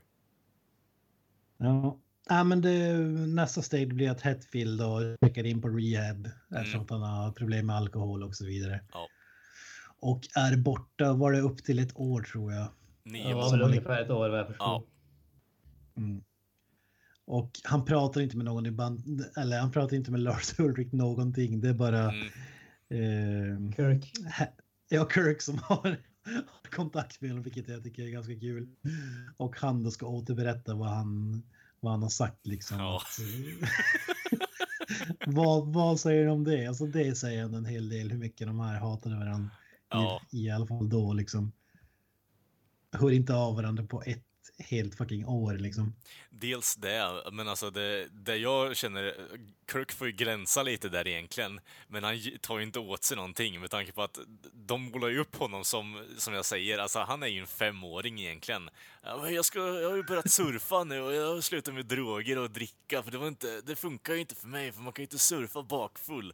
Och jag vill ju bara ha chill-stämning liksom här i bandet men de där två håller ju på att slakta varandra verbalt varenda dag man sätter sig i studion alltså. Jag vet inte vad jag ska göra. Han är ju, jag vet inte om man hittar någon bättre liknelse. jag sti- sticker in med det här. Den här surfing-grejen, det är ju en sån grej som pratat är arrangerat. Mm, Det är ju liksom, de har ju ett år, de har ingen aning vad de ska göra. nej, Typ, ja men vi behöver lite andra, vi behöver fota någonting annat än när du sitter i studion. Har, har du ingenting du gör på fritiden? Så jag bara, ah, jag vet inte fan. Så typ, ja, det enda jag har är väl typ att surfa. Ja men surfa perfekt, vi åker ut och ser när du surfar och så pratar lite om det och sådär och vad du gör så får man lite, vet lite om det också liksom. Alltså Ja. det är ju så, det är så uppenbart arrangerat. Alltså för att man märker att han kan ju knappt surfa och eh, det är ju inte så att han liksom brinner för surfingen liksom, men han klämmer ändå fram något för att vara schysst med dem ungefär. han är stort fan av eh, Bela Lugosi-filmen i alla fall, det är han. Så... That's a thing. Mm. Ja, men vad har du för åsikt om eh, Kirks eh, koppling till James där då, Granström? Du har ju ändå sett filmen tidigare, så... Alltså, det, det är som vi säger, han är ju de- definitivt den som hamnar i skymundan lite grann. Men han, har ju, han verkar ju vara ganska bekväm med platsen sin så att säga. Ja. Ja. men han, har ju, han har ju accepterat platsen. Han- Så länge, det verkar ju som att så länge han inte är hotad där på något sätt så verkar det inte vara något problem. Man ser ju att Mm. enda gångerna som han verkar vara liksom obekväm, det är ju när han måste mediera mellan Lars och James. Mm. Han verkar ju vara ganska bekväm med att göra sin egen grej. Mm. Ja, men han spelar ju typ ett av världens största rockband just nu typ. Ja. Och Ja. tjänar miljontals dollar. Han- Han får göra, som säger, han gör sin grej liksom. Men jag tycker det, det roligaste med han, det är när han berättar att eh, man förstår ju varför, men att han jobbar på att han har typ inget ego och han jobbar på att göra det ännu mindre. Och man förstår ju varför, för det finns två så gigantiska egon. Som gör att hade han haft ett ego då hade ju Metallica aldrig funnits. Alltså, inte en chans. Det känns som att det är lite han som håller ihop eh, bandet lite grann. Ja, det, det känns som att Ja, det här så är... är det. Det. Här är lite, jag vet inte om man kan hitta någon bättre liknelse under den här recensionen alltså, men det här känns ju mer som att det är två föräldrar som står och skriker på varandra och så har han barnet i mitten som har lärt sig att blockerat ut allt det här skitsnacket egentligen och gör sin egen sak bara. Det kommer ju bita honom i röven om några år, men alltså det, ja, jag vet inte. Ja, han är ju som sagt the straight man. Han är ju lite som. Som jag tror att de flesta hade varit i hans situation. Och jag, tror, jag tror väldigt få identifierar sig själva med Hetfield och Ulrich om man säger så. Ja, när det smäller upp sådär Han, han har väl säkert insett att det finns ingen mening att börja ha ett ego nu så att säga. Nej, det, det är lite, lite far too ja, gone det, alltså. det tåget har gått. Ja, det är lite far Det, det too... tåget gick för 20 år sedan. Jag menar det, det är 20 år in the making, så det, du sätter inte upp det mot sådana egon nu egentligen. Det, de har byggts upp eh, för mycket, de är på två stora jävla pedestaler, så det, det är ingenting du kan slå ner, utan de kommer bara pissa verbalt på det. Även säkert fysiskt också. Eh, Om de får chansen. Ja, precis. Vi vi ska återvända till Kirk lite längre fram, men vi hoppar vidare till Dave Mustaine kom in. Yes. Eh, gitarrist som fick kicken från Metallica en gång i tiden. Mm. Berätta sin story och något slags terapisamtal med Lars Ulrich då. Mm. Och vad säger du om den eh, scenen? Eh, Alltså, jag vet inte hur Dave Mustaine är i verkliga livet, om han är som han verkar vara där eller om det bara är för att de har klippt det på så sätt. Men han verkar ju vara en whiny little bitch alltså. Ja, men det är han. Han var det då i alla fall. Det var ju väldigt mycket... Vi har nummer, jag, är mycket, jag är nummer två, jag får inte riktigt samma chans som ni, ni är douchebags. Jag förtjänar en ny chans och lite sånt där. Givet så är det klart, bara, man hade ju kunnat ge honom en större chans än att säga bara ah, men du super för mycket, hej då. Bara okej, tack för det. Med tanke på att han var ju typ... Ja, kör du. jag, jag tror att problemet där, han gick ju vidare och bildade Megadeth för Ja. som inte vet. Men problemet där är att han har ju också det där gigantiska egot Jo, jo. som Ulrika Hetfield här och, och jag tror att alltså de var väl tvungen ta, ta bort eh, något där. Det, det har ju som funnits olika historier varför han fick kicken. En var ju eh, som Mustaine själv har sagt att han James Hetfield sparkade på hans hundar och då slog han Hetfield på käften och efter det så mm, så Okej. var det liksom kört med bandet. Jag, jag, tyck, jag tycker det är jäkligt kul liksom. I would like to talk to my little Danish friend. I remember us talking about smoking hash in the ground through a hole. alltså de här grejerna liksom. Ja, Ulrik, my little Danish friend. Jag känner så jävligt uh, roligt alltså.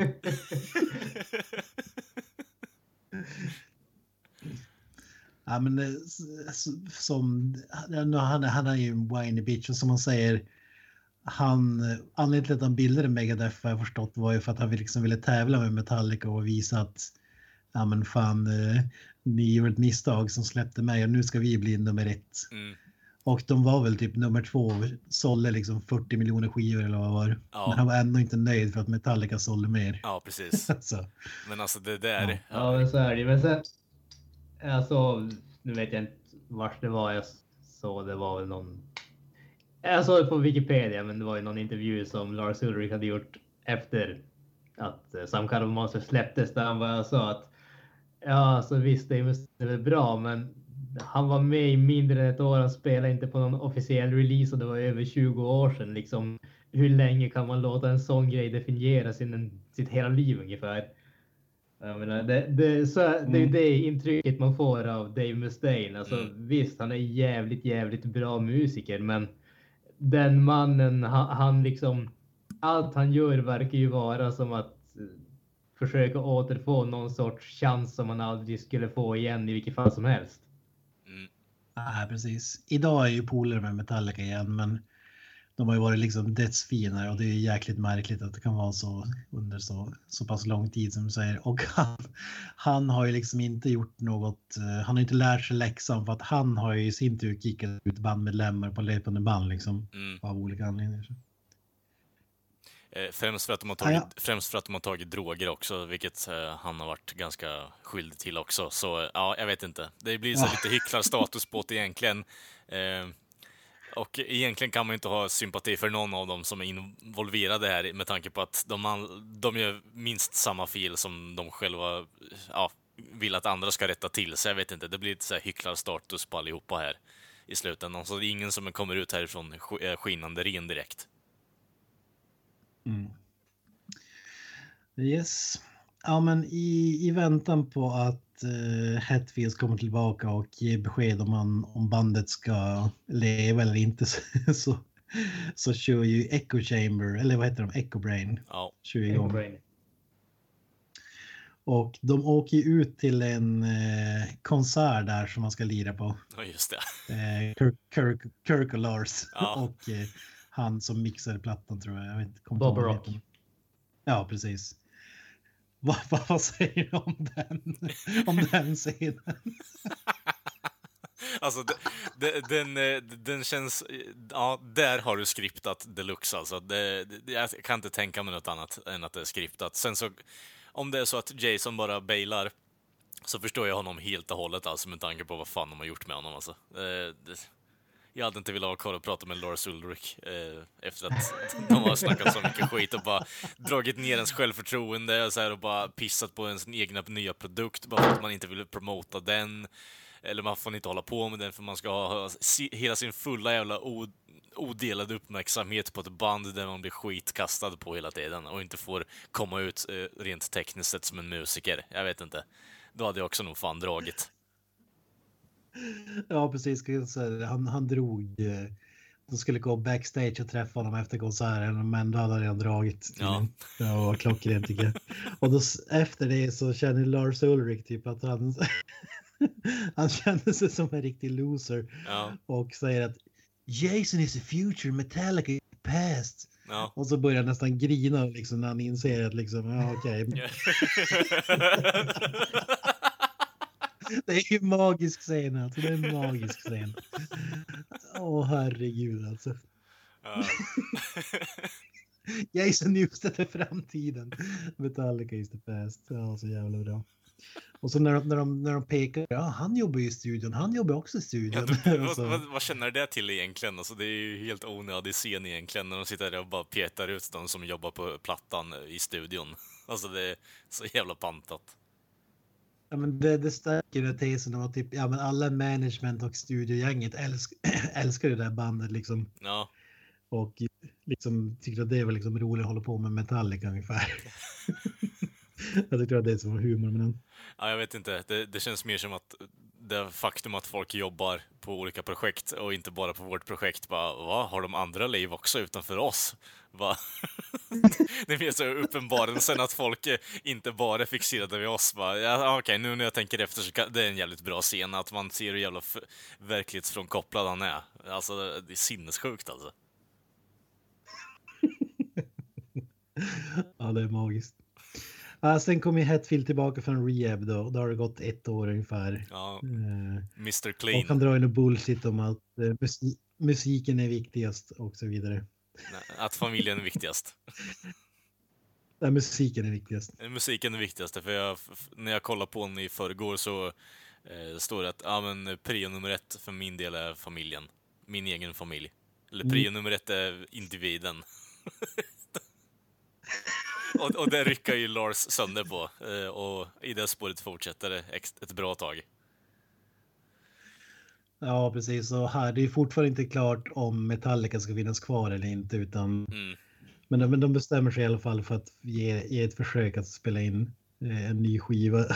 och det roligaste är, det är när han Bob Rock då, som du säger, när han smickrar James Hetfield lite grann bara typ That's the best sound I've ever heard, you being back playing the guitar eller sånt där. och det, det, typ, det räcker. Då, då är typ Hetfield med i bandet ungefär. Ja. Känns som. Bekräftelsen. Men han sätter upp ett schema då eftersom att han är på väg tillbaka från rehab. Inte helt, eh, vad ska man säga? Han är inte helt hundra så då får de bara jobba mellan 12 och 4 Ja, på skivan. Och, och, men problemet är att han vill ha total control över allting. ja precis. Och han vill inte att någon jobbar en minut före eller en minut efter med plattan utan att han är med och får säga sitt liksom. Ja. Vad man säger den delen. det blir mer och mer tydligt hur stort control freak han faktiskt är. Och det, eh, jag som ändå tycker om James eh, överlag på det sättet, han, min favorit i bandet ett bra tag i alla fall tills jag såg den här jävla dokumentären alltså, men det är ju så sinnessjukt kontrollbehov han har. Det är så sinnessjukt kontrollbehov. Här får du den här fuck-scenen också när Lars Ulrich, Ja, han gillar inte de här reglerna. precis. Och där, där håller jag med honom att ja, men, bara för att klockan är 16.01 så kan, jag inte lys- så kan vi inte lyssna på skivorna liksom. Eh, Det vi har spelat in hittills, att vi får inte göra det för att han inte är där. Eller Ja. vad, vad säger du om den biten? Liksom? Ja, men det är helt absurt. Där. Alltså, där, där har jag ju full förståelse för eh, Lars och övriga som är involverade i produktionen. Att, att han inte kan vara med efter klockan fyra, det är liksom visst, det är helt okej om han vill, vill vill liksom lämna och göra sin grej. Men att tro att världen slutar snurra för att han inte är där, det är ju liksom, det är ju ett löjligt kontrollbehov. Alltså Ja. det, det, det finns ju inte. Jag tror det kändes som att det var lite så här in spite att han tyckte att Lars Ulrich hade liksom bestämt allting och nu när han kom tillbaka så ville han bestämma allting. Det känns som att det var lite så också. Jag gillar att det här konceptet kommer in i hans hjärna efter att han har hållit upp den här skivan och hållit den på stopp i typ nästan ett år och sen kommer tillbaka och ska styra och ställa hela tiden. Alltså det, det, ja, det takes a special kind of stupid och control freak för det alltså. Jesus Christ. Och sen kommer den momentet som definierar Metallica för många. Det är ju Napster. Eh, Napster-grejen. Jag måste väl dra den kort bara, vad som hände. Ja, eh, Lars Ulrik eh, kom ju på eh, att folk hade laddat ner hans musik via appen, apps, napp, äh, appen applikationen, hemsidan Napster. Gratis. Och hade då, var det så att han hade gått ut och hittat folks IP-adresser och typ lämnat in den eller? Hur var det? Ja, riktigt så sp- specifikt minns jag det inte, men han, han var ju, han ville att Napster skulle krossas liksom för att Mm. artister tjänar inte, eller artisterna gick miste om så mycket pengar Mm. eh, på grund av musik som nedladdas och så vidare. Jag gillar ju även... eh, Eller Gran, Granström, Granström, du har ju, du har ju åldern inne så att säga. Minns du det här när Napster-grejen kom eller? Jag gör ju faktiskt det. Jag ska väl erkänna att jag faktiskt använder mig av Napster lite grann här och där. Eh, Men det, det är ju som du säger, alltså det, det var ju en ned, ett program, nedladdningsprogram för eh, MP3-filer så att man kunde sprida musik och ladda ner gratis helt enkelt. Mm. Och det var ju där som jag tror inte att Lars Ulrik på något som helst sätt var ensam i att känna som han kändes. Men han var ju definitivt den som tog liksom flaggan och ställde sig på frontlinjen och viftade och skrek med den. Och sen så när han fick liksom världens största backlash och blev typ den mest hatade personen på planeten ungefär. Så stod han kvar helt själv ungefär och ingen annan stod bakom honom. Ja, det alla såg hur mycket skit han fick för sina uttalanden så backade ju alla för att det kunde liksom förstöra karriärer. Ha- Han, han var ju med i så pass stort band att det kanske inte påverkade så mycket. Men, men hade, hade en ny musiker liksom anslutit till sig så hade de ju liksom, vi hade inte hört talas om dem idag så att säga. Nej. Det är ett under att vi inte hade eh, Gene Simmons där på ett hörn. Det tycker jag är lite Ja. Han måste ju ha varit jävligt inaktuell vid den typ, vilken han i och för sig alltid är. Men Ja. det kan ju inte vara så att de liksom spelade in skivor liksom då eller? Ja, Eller så såg han, han hade, han hade räknat ut en sån här kalkyl att jag, jag går miste om så här mycket cash om jag verkligen går ut och gnäller om den här grejen. Liksom. Mm. Han var lite smartare då kanske, vem vet? Det, kan- det kan ju vara så för att nu, nu när han kör, han går ju liksom all in nu på all sån där skit. Men Mm. det är ju för att skivor säljer inte som de gjorde förut. Nej, precis. Eh, Det kan ju vara en koppling faktiskt. Eh, Jag tycker det är lite intressant att koppla ihop det här med att eh, Ulrich går emot eh, Napster och allt det där när han har, är på hiatus egentligen. För det var väl då, eller? Var det samband med det? Att James, James hade inte kommit tillbaka, Lars hade inget att göra. Så går han inte och gnäller på det där för att han inget att göra, sitter rastlös och rullar tummarna i studion i stort sett. Eh, Ja, eh, jag vet inte exakt hur det var, men som dokumentäret är klippt så var det väl i princip under den här tidpunkten där det här schemat var inlagt liksom. Mm. Eller är det någon som har en annan uppfattning? Nej, jag, vet fick, faktiskt inte. Ja, jag fick uppfattningen att det var att eh, James var borta, eh, då la Lars allt krut på det här och sina jävla tavlor som vi kommer in på sen också. Ja. Konstnären Lars. Ja, precis. Den missförstådde konstnären Eller konstkännaren. Ja. Ja. Men jag, jag tror att det känns som att typ, han hade inget bättre för sig ungefär. Men James Hetfield blev också hånad efter det här så jag vet inte om det var... De, han fick också skit på motorn. Ah, ja, whatever. Det vi har ju pratat tidigare om Napster och Metallica i, i den här podden så. Yes. Men eh, här kommer det som var back in the day som jag tyckte var intressant när de skulle ha audition för att eh, hitta en ny bassplayer då. Mm. Och andelen till att de skulle hitta en helt plötsligt det var ju för att de skulle vara med i någon MTV-show. Vad hette det? Icons eller liknande. Jag har aldrig hört om det.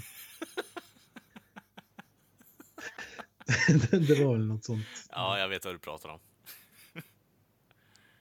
Fast var det Eh, bara... Så då var det ju då var det bråttom att skaffa en eh, basist så då tog de in eh, ja, halvkända basister som fick liksom provspela med bandet tills de valet, valet föll på Rob Trujillo. Mm.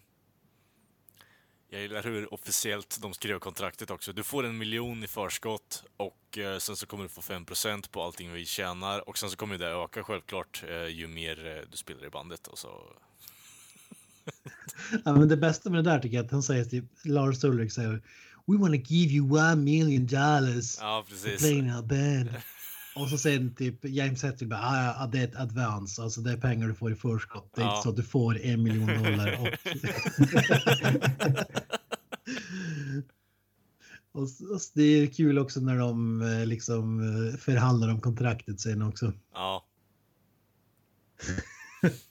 Initialt så skulle han liksom ha 5 rösträtt mm, eh, istället för 25 ja, beslut om bandet liksom. jag menar det. Det är så bara, nej men eh, vi ska inte göra som Jason igen bara. Okej, ja, vi gör precis som vi gjorde med Jason. Fuck you. Bara okej, tack för det. Det är tur att eh, Rob Trujillo är på samma nivå som eh, Kirk Hammett när det gäller att tala ut då. Ja. ja vad säger du Granström om audition-delen? Var det något där som sticker ut tycker du? Ja, Jag tycker bara det var intressant att se olika musiker spela med dem. Det var ju lite det underhållande. Men sen, jag tyckte väl inte att audition-biten i sig var speciellt överraskande eller på något sånt, något sånt sätt så att säga. Det jag tyckte var lite kul, det var ju snarare att se Rob Trillo när han blir medlem i bandet. Han börjar nästan bete sig som ett barn och börjar hoppa på sängen med basen och allt sånt. Det Ja, just det. lite, lite charmigt. Och sen några scener senare så inser han bara vad i, var i helvete har jag hamnat liksom Ja, terapisamtalen liksom. Nej men han, han är ju faktiskt skön Trujillo och det är väl, det är väl han och Kirk som jag tycker Mm. är bä- bäst om i det här bandet i alla fall. Det verkar vara de som inte har eh, full, vara fullkomligt självupptagna med gigantiska egon i alla fall. Nej, precis. Ja, precis. Men Sen eh, tillbaka till terapisamtalen här. James Hetfield känner sig hotad när eh, psykologen här eh, Ja, ja, just det. berättar att han liksom ska flytta, flytta närmare bandet eller flytta närmare bandet för att kunna liksom behöva pendla så långt eller vad fan det är. Did you hear? Phil is selling his apartment in Colorado. He's moving here, though. Whoa. Typ. I ärlighetens namn så skulle jag känna mig jävligt obekväm om jag hörde det jag också var i deras situation. Ja. Jag På håller... vilket sätt då liksom? Ja, som de säger för att de betalar han 40 000 dollar i månaden för att de ska ha tillgång till han hela tiden och så helt plötsligt bestämmer de sig för att sälja huset och flytta familjen till den staden som de är bara för att det är liksom där man har han och så blir man ansvarig för hela den biten när man egentligen inte vill ha något ansvar för honom alls. Ja, precis. Nej, men alltså det... Full, jag har fullständig förståelse för att det är jävligt obekvämt. Ja, men det kan jag köpa. Men däremot liksom att han känner sig som en medlem i bandet och det ska han fan inte tro. Typ den delen är ju däremot så här. eh, Ditt resonemang var ju kanske inte exakt som han hade. Han sa ju bara typ att ja, vad fan tror han att han är med i Metallica nu? Mm, Nu måste vi ge honom kicken liksom. Alltså jag tycker inte att... eh, Alltså psykologen där är rent eh, in the right heller i och för sig, men eh, med tanke på att han faktiskt bara... Ja, fan, ja bra, då ska vi boka in mer möten, ni ska ge mig mer pengar, eller ja, vi ska hjälpa er mer menar jag, och ja, vi ska lösa det här problemet, men det kommer ta några år. Bara, eh, vi känner oss helt okej nu och bara Phil, det, eller vad fan han heter, skitsamma. Nej, eh, eh, han blir ställd mot eh, väggen som fan också. Bara, håller på att börja stamma och kan inte lösa problemet. För han hade ju trott att han ramlat på en jävla guldgruva som kommer göra honom miljonär i stort sett för fan. För att de håller på att vara terapeut åt de här jävlarna i typ sex eller sju år i framtiden. Ja, men det, det, det är ju som han säger också. Liksom, I had uh, visions of uh, performance coaching individually and with the whole band. Ja, precis. biten Ja. som- Han- Han är ju verkligen inte beredd att släppa taget om Nej, dem. Han har ju stumlat på en jävla Han, de säger att guldgruva. hans lön, hans lön är 40 000 dollar i månaden så man förstår ju varför. Liksom. Ja,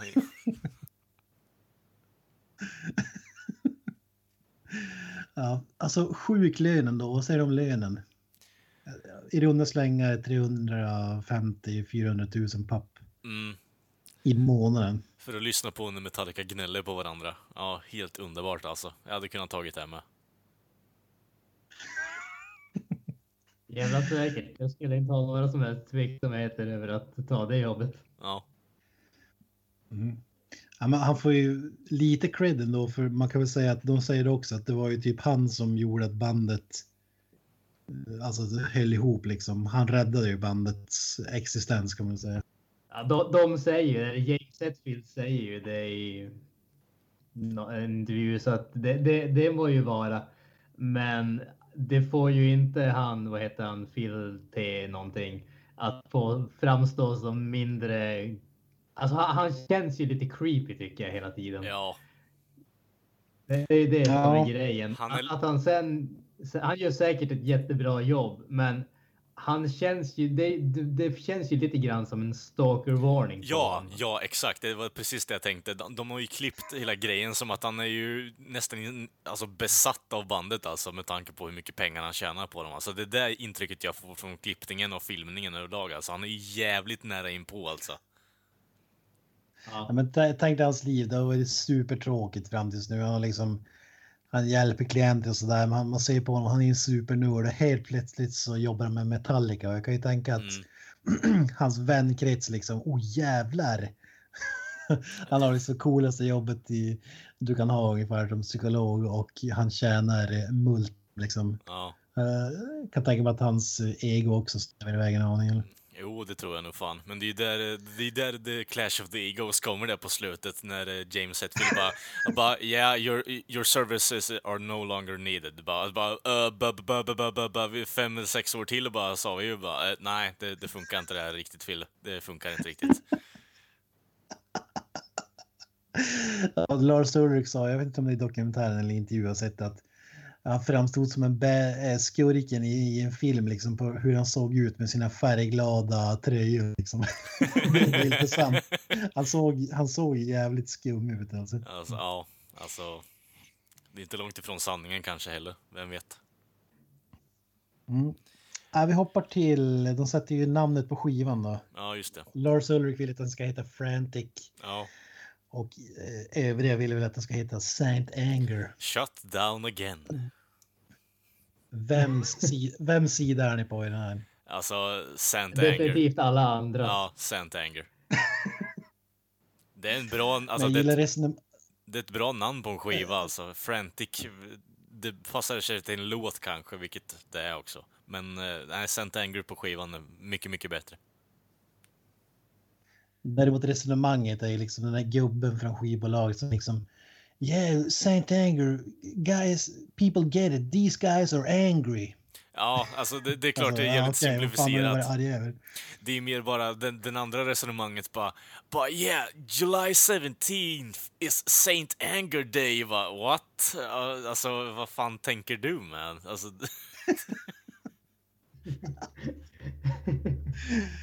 Åh herregud. Ja, det, det är här som liksom den här filmen förstår lite för dem, eller sådana här moments där liksom man tänker att det finns en super eh, tanke bakom vad en platta heter eller hur Mm. låtarna kommer till. Ja, Men det är ju som man cyniskt tänker att det är, en skivbolagssnubbe som går in och säger ja men det här vi har en klippbord här som säger att det här namnet skulle sälja mer än om vi döpte till det här. ja, precis. Så låtarna komponeras liksom. Ja.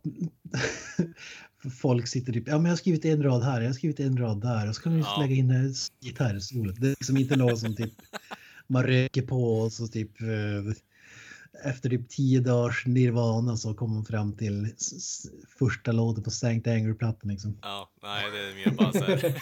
vad, gör jag mig, vad gör mig arg nu? Hur kan jag spela ett argt riff? Ja, vi spelar det där. Okej, bra. Har du någon låtrad du- kan eh, bidra med till eh, Lars, eller? Ja, jag har ett ord i alla fall vi kan börja med. Frantic kan vi köra på. Det är skitbra, det, för det är hetsigt också. Då måste vi köra spela hetsig musik. För det gör vi. alltså, ja. Det, det tog, det tog, den här dokumentären tog bort så jävla mycket av mystiken eh, kring Metallica för min Mm. del. Eh, och jag vet inte, det blir mer så här. Det är inte riktigt... eh, Saint Anger är ingen bra platta tycker jag med tanke på hur jävla... Det, det, Saint Anger-plattan speglar den här dokumentären så jävla bra. Det, det, det måste jag ändå säga, för det är så jävla upp och ner och fram och tillbaka hela jävla fucking tiden. Alltså det, det är sinnessjukt hur bra den här pla- alltså, dokumentären speglar Saint Anger. Räknas det inte som den sämsta skivan de har gjort eller? Jo, Nej. Load värre liksom? alltså Då Load... skulle jag säga att allmänt så är väl eh, load och reload ansedda som bottennappen så att säga. Ja.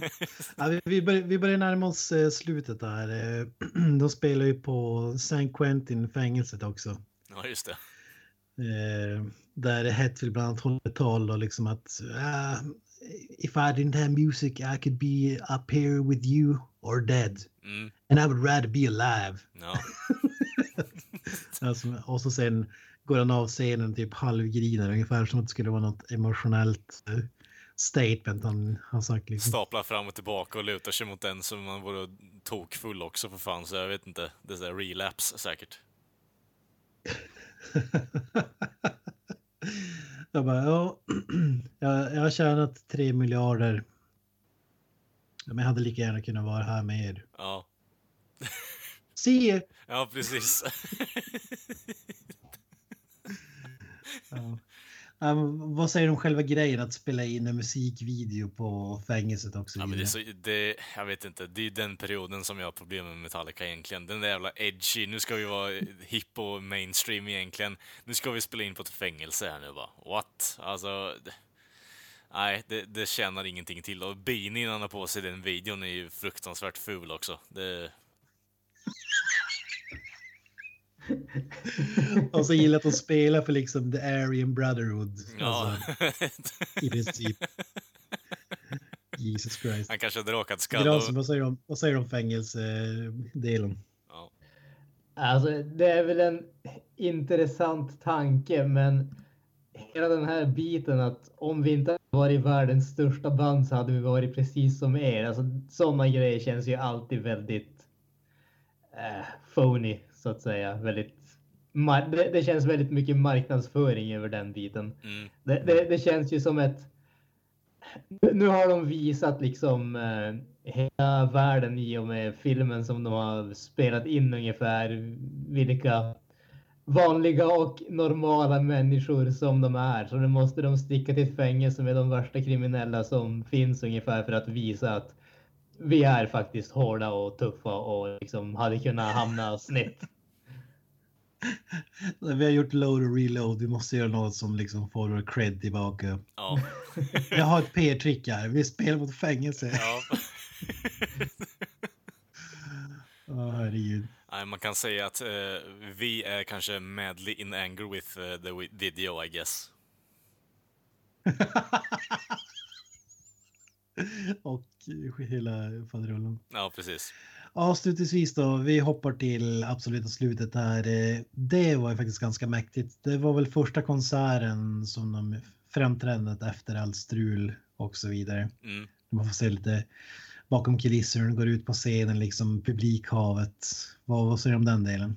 Ja, jag tänkte bara efter allting som de har varit med om och genomgått så måste ju ändå kännas jävligt häftigt att kunna gå ut på scenen och se liksom alla fansen som ändå är där för dem.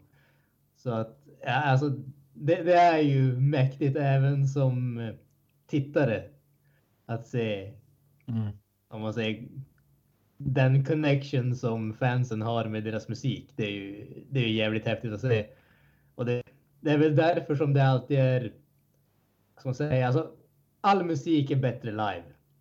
Vill jag i, i de allra, allra flesta fallen vidhålla. Och det är ju för att man kan se just den här kopplingen som publiken har till musiken. Se entusiasmen, se, se känslorna som de får. Och det, det är den, den biten som man får just där i slutet. Resten av filmen är ju enbart om bandets känslor med sig själva och hur de relaterar till sin egen musik. Men det är ju intressant att man får åtminstone en liten koppling till att se hur, hur andra människor relaterar till musiken också. Mm. Kalle? Eh, jo, men som Granström säger, det är ju... De flesta typer av musik ska ju spelas live. I alla fall om musiken skapas av dem, alltså på plats. Då tycker jag att då är livemusik helt klart att föredra. Just för att man får se alla intryck som folk tar. Eh, man får ställa sin egen in, alltså, tyck och tänk kring vad folk tycker om den här typen av musik och så får man blanda det lite med vad man ser eh, att flera miljontals andra människor också har för uppfattning. Det är lite intressant faktiskt.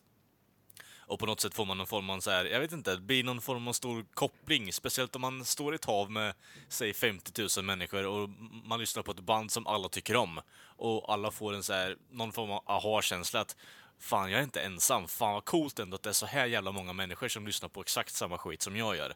Och får exakt samma respons egentligen. Det är, det är lite fränt är det. Eh, men eh, avslutningen på den här filmen, ja, den blir lite mer down to earth. Det blir ju något form av lite good feel, uh, feel good känsla avslut på hela skiten med tanke på vad de har gått igenom i den här filmningsprocessen. Eh, och det blir ju lite upppumpat för att få ett fint avslut kan jag tycka. Men eh, ja, det fungerar. Så Ja, man, man får som en bild av eh, varf, hur, hur de kan stå ut med allt det tjafset. Alltså, Mm. Det är värt det när du liksom får, ja, får kliva ut där kanske. ja. Ja, det, vi sammanfattar filmen. men Jag ska bara ta lite kort. Jag läste en intervju med Lars Ulrich här fyra efter att den här filmen kom ut.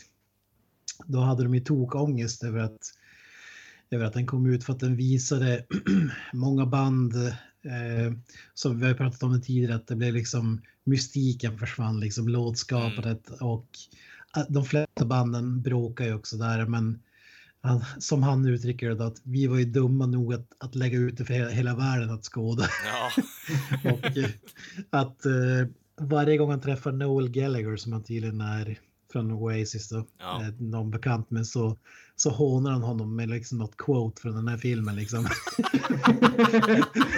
det, det, det låter som en Noel Gallagher-grej. ja faktiskt, faktiskt. It sounds stock. What the fuck do you want me to say?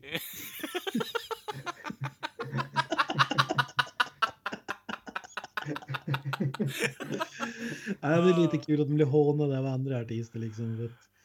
Från den.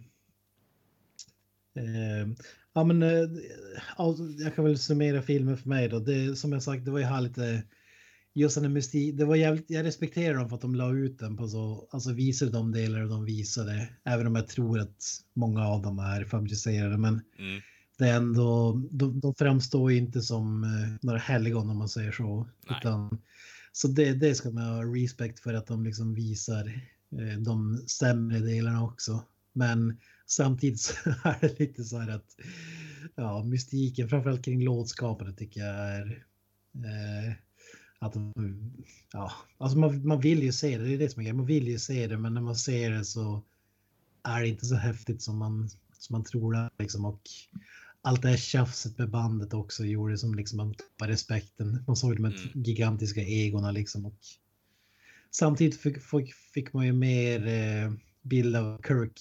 Eh, att han var så un, un, nedtryckt som man verkligen tror liksom att mm. han säger vid något tillfälle också i filmen typ ja men välkommen till hur jag har haft de sista 15 åren. Ja, att man inte precis. får bestämma någonting liksom. Det var ändå typ den bästa Ja, linen i hela filmen tyckte jag faktiskt, med tanke på att eh, de två sitter och snackar skit om varandra, hur fan både James och eh, Lars håller på att trycka ner varandra och att det är fan den andra idiotens uh, mer fel än honom och så kommer eh, Kirk där in och bara Välkommen till hur jag har haft det i 15 år nu. Och bara går därifrån i stort sett. Hans facepalm också när de uh, Hetfield och Lars sitter och liksom diskuterar vad, vad de ska göra med plattan. Men typ, ja, men kan vi inte sluta med det här tjafset och gå in liksom i studion bara Ja, och spela. och kör, kör, kör, ja precis. Och så säger Lars Ulrich någonting typ, ja men något F-bombs ungefär. Och, och så en facepalm bara att han gjorde saken värre. Jag tycker det var magiskt ögonblick alltså. Ja, men jag, jag, tycker, jag tycker den är värd, den är värd att säga och jag tror att även om du inte har något som helst intresse av musik och rockmusik så det, kan du ändå finna någon slags underhållning i den här Mm. dokumentären faktiskt. Vad säger du? Eh, ja, men som Kent säger, alltså, det, den här dokumentären har så många quotable moments egentligen när man tänker efter. Just att I don't know what the fuck you say, it sounds stuck! Som, eh, det är också så underbart, eh, så jävla bra. Det, här är verklighetens This is Spinal Tap för min del. Alltså, det här, eh, du kommer inte närmare än så här egentligen. Eh, det är mycket av det som jag tror är scriptat. Eh, och det kan vara svårt att avgöra ibland med tanke på hur dåliga skådespelare de egentligen är. Men alltså det... Man kommer ju närmre bandet, vilket jag tycker är intressant. Eh, däremot, som Kent säger också, så försvinner ju mystiken, men den är ju helt klart värd att se. Alltså, tycker man om Metallica, eller man är bara fascinerad över vad som pågår bakom kulisserna och hur bandkulturen fungerar i vissa fall, så tycker jag att den helt klart en sevärd dokumentär. Jag håller med er båda, givetvis. Det, det är en eh, väldigt intressant blick i hur det är att vara med i ja, det största bandet kan jag säga någonsin, men inte långt ifrån i alla fall. Eh, det som jag kanske hade önskat att man fick se lite mer av, det är ju faktiskt eh, just hur Hemmet hade hur är han när han inte är runt eh, Lars och James så att säga? Man får, man får se han några gånger när han surrar och sånt där, men man får som en känsla av att han- kanske inte har så mycket liv utanför No. bandet och han är definitivt den som har minst kontroll i bandet. Och det, jag jag känner mig nästan, och blir så nästan lite så här nedstämd av hur, eh, hur han verkar vara. Mm. Trots att han är så positiv och verkar vara den som är definitivt mest down to earth så att säga. Ja. Men Jag Ja. tror inte där att han har liksom, han har ett liv men han har liksom ett helt vanligt Svensson-liv ungefär. Han har kanske inte de här äh, ja, men brotts med problemen som Lars Ulrik har. Att Nej. han, och när de åker till hans farsa liksom att han söker bekräftelse där. Det- åh. Ja, men så kan det absolut det, det kanske är bara så, så tråkigt som att han har ett helt vanligt Svenssonliv. Han är skitnöjd med det. Så kan det absolut vara. Men det hade varit lite intressant att, eh, att få se det. För som det är så ser man ju väldigt mycket av både James och Lars. Man ser ju från deras hem, man ser liksom deras familjer och hela den biten. Och James, eh, Kirk, han liksom, man ser han sitta i, med i mötena med terapeuten och man ser Ja. han sitta och diskutera musiken i några minuter ungefär. Och sen är han som bara, han är så bara närvarande. Ja, Han måste ha världens största tålamod. ja, alltså Det den, kan ju inte, måste vara få personer som står ut med allt det där. Alltså. Man skulle kalla skivan Saint Kirk. ja, jag menar det. Han är ju ett helgon egentligen för fan. Barumtsch. Alltså, om, vi, om, om det är så att de har liksom filmat hemma hos honom också men typ klippt bort det för att de var inte tillräckligt intressant. Det vore ju jävligt humor alltså. Eller, men det kan ju faktiskt, det känns som att han skulle vara en sån person att han kanske inte vill visa allting. Han har kanske inte samma så här exhibitionistiska eh, drift som övriga medlemmar har. Det kan ju vara något sånt också. Du tror inte att det det är är, medvetet liksom. du tror inte att det är därför den jävla surfingscenen känns så jävla krystad då, eller? Det kan ju vara därför. Att han har en jävla massa skelett hemma, men han vill inte visa dem för att han är intelligent nog. Ja men, ja, men så kan det vara typ. Ja, men jag, jag vill inte visa min familj är i kaos liksom. Mm. Ja, men vad, vad kan vi visa då? Ja, men, ja, men fan vet jag. Surf. Vi Ja. ja. surfa och filma. Det skulle vara något. Ja, det finns så mycket lager med den här filmen så man kan gå, man kan fan prata om det i nästan tre timmar. Men alltså, det tycker jag inte vi ska göra, för jag tycker att vi avslutar detta avsnitt och eh, ni hör ju oss och syns gör vi nästa vecka också. Och under tiden hittar ni oss på sociala medier som Facebook, Instagram och Twitter. Och allt ni behöver göra är att söka på Creative Meltdown. Så kommer vi upp. Och vill ni mejla så finns det en länk på Facebook. Och det blir inte svårare än så. Eh, och då syns vi, tänkte säga ett fult ord där, men eh, som har blivit ganska uppenbart nu med tanke på hur mycket vi upprepar det. Men vi syns nästa vecka, gör vi. Starkare än någonsin. Ha det bra. That's it, man. Game over, man. It's game over.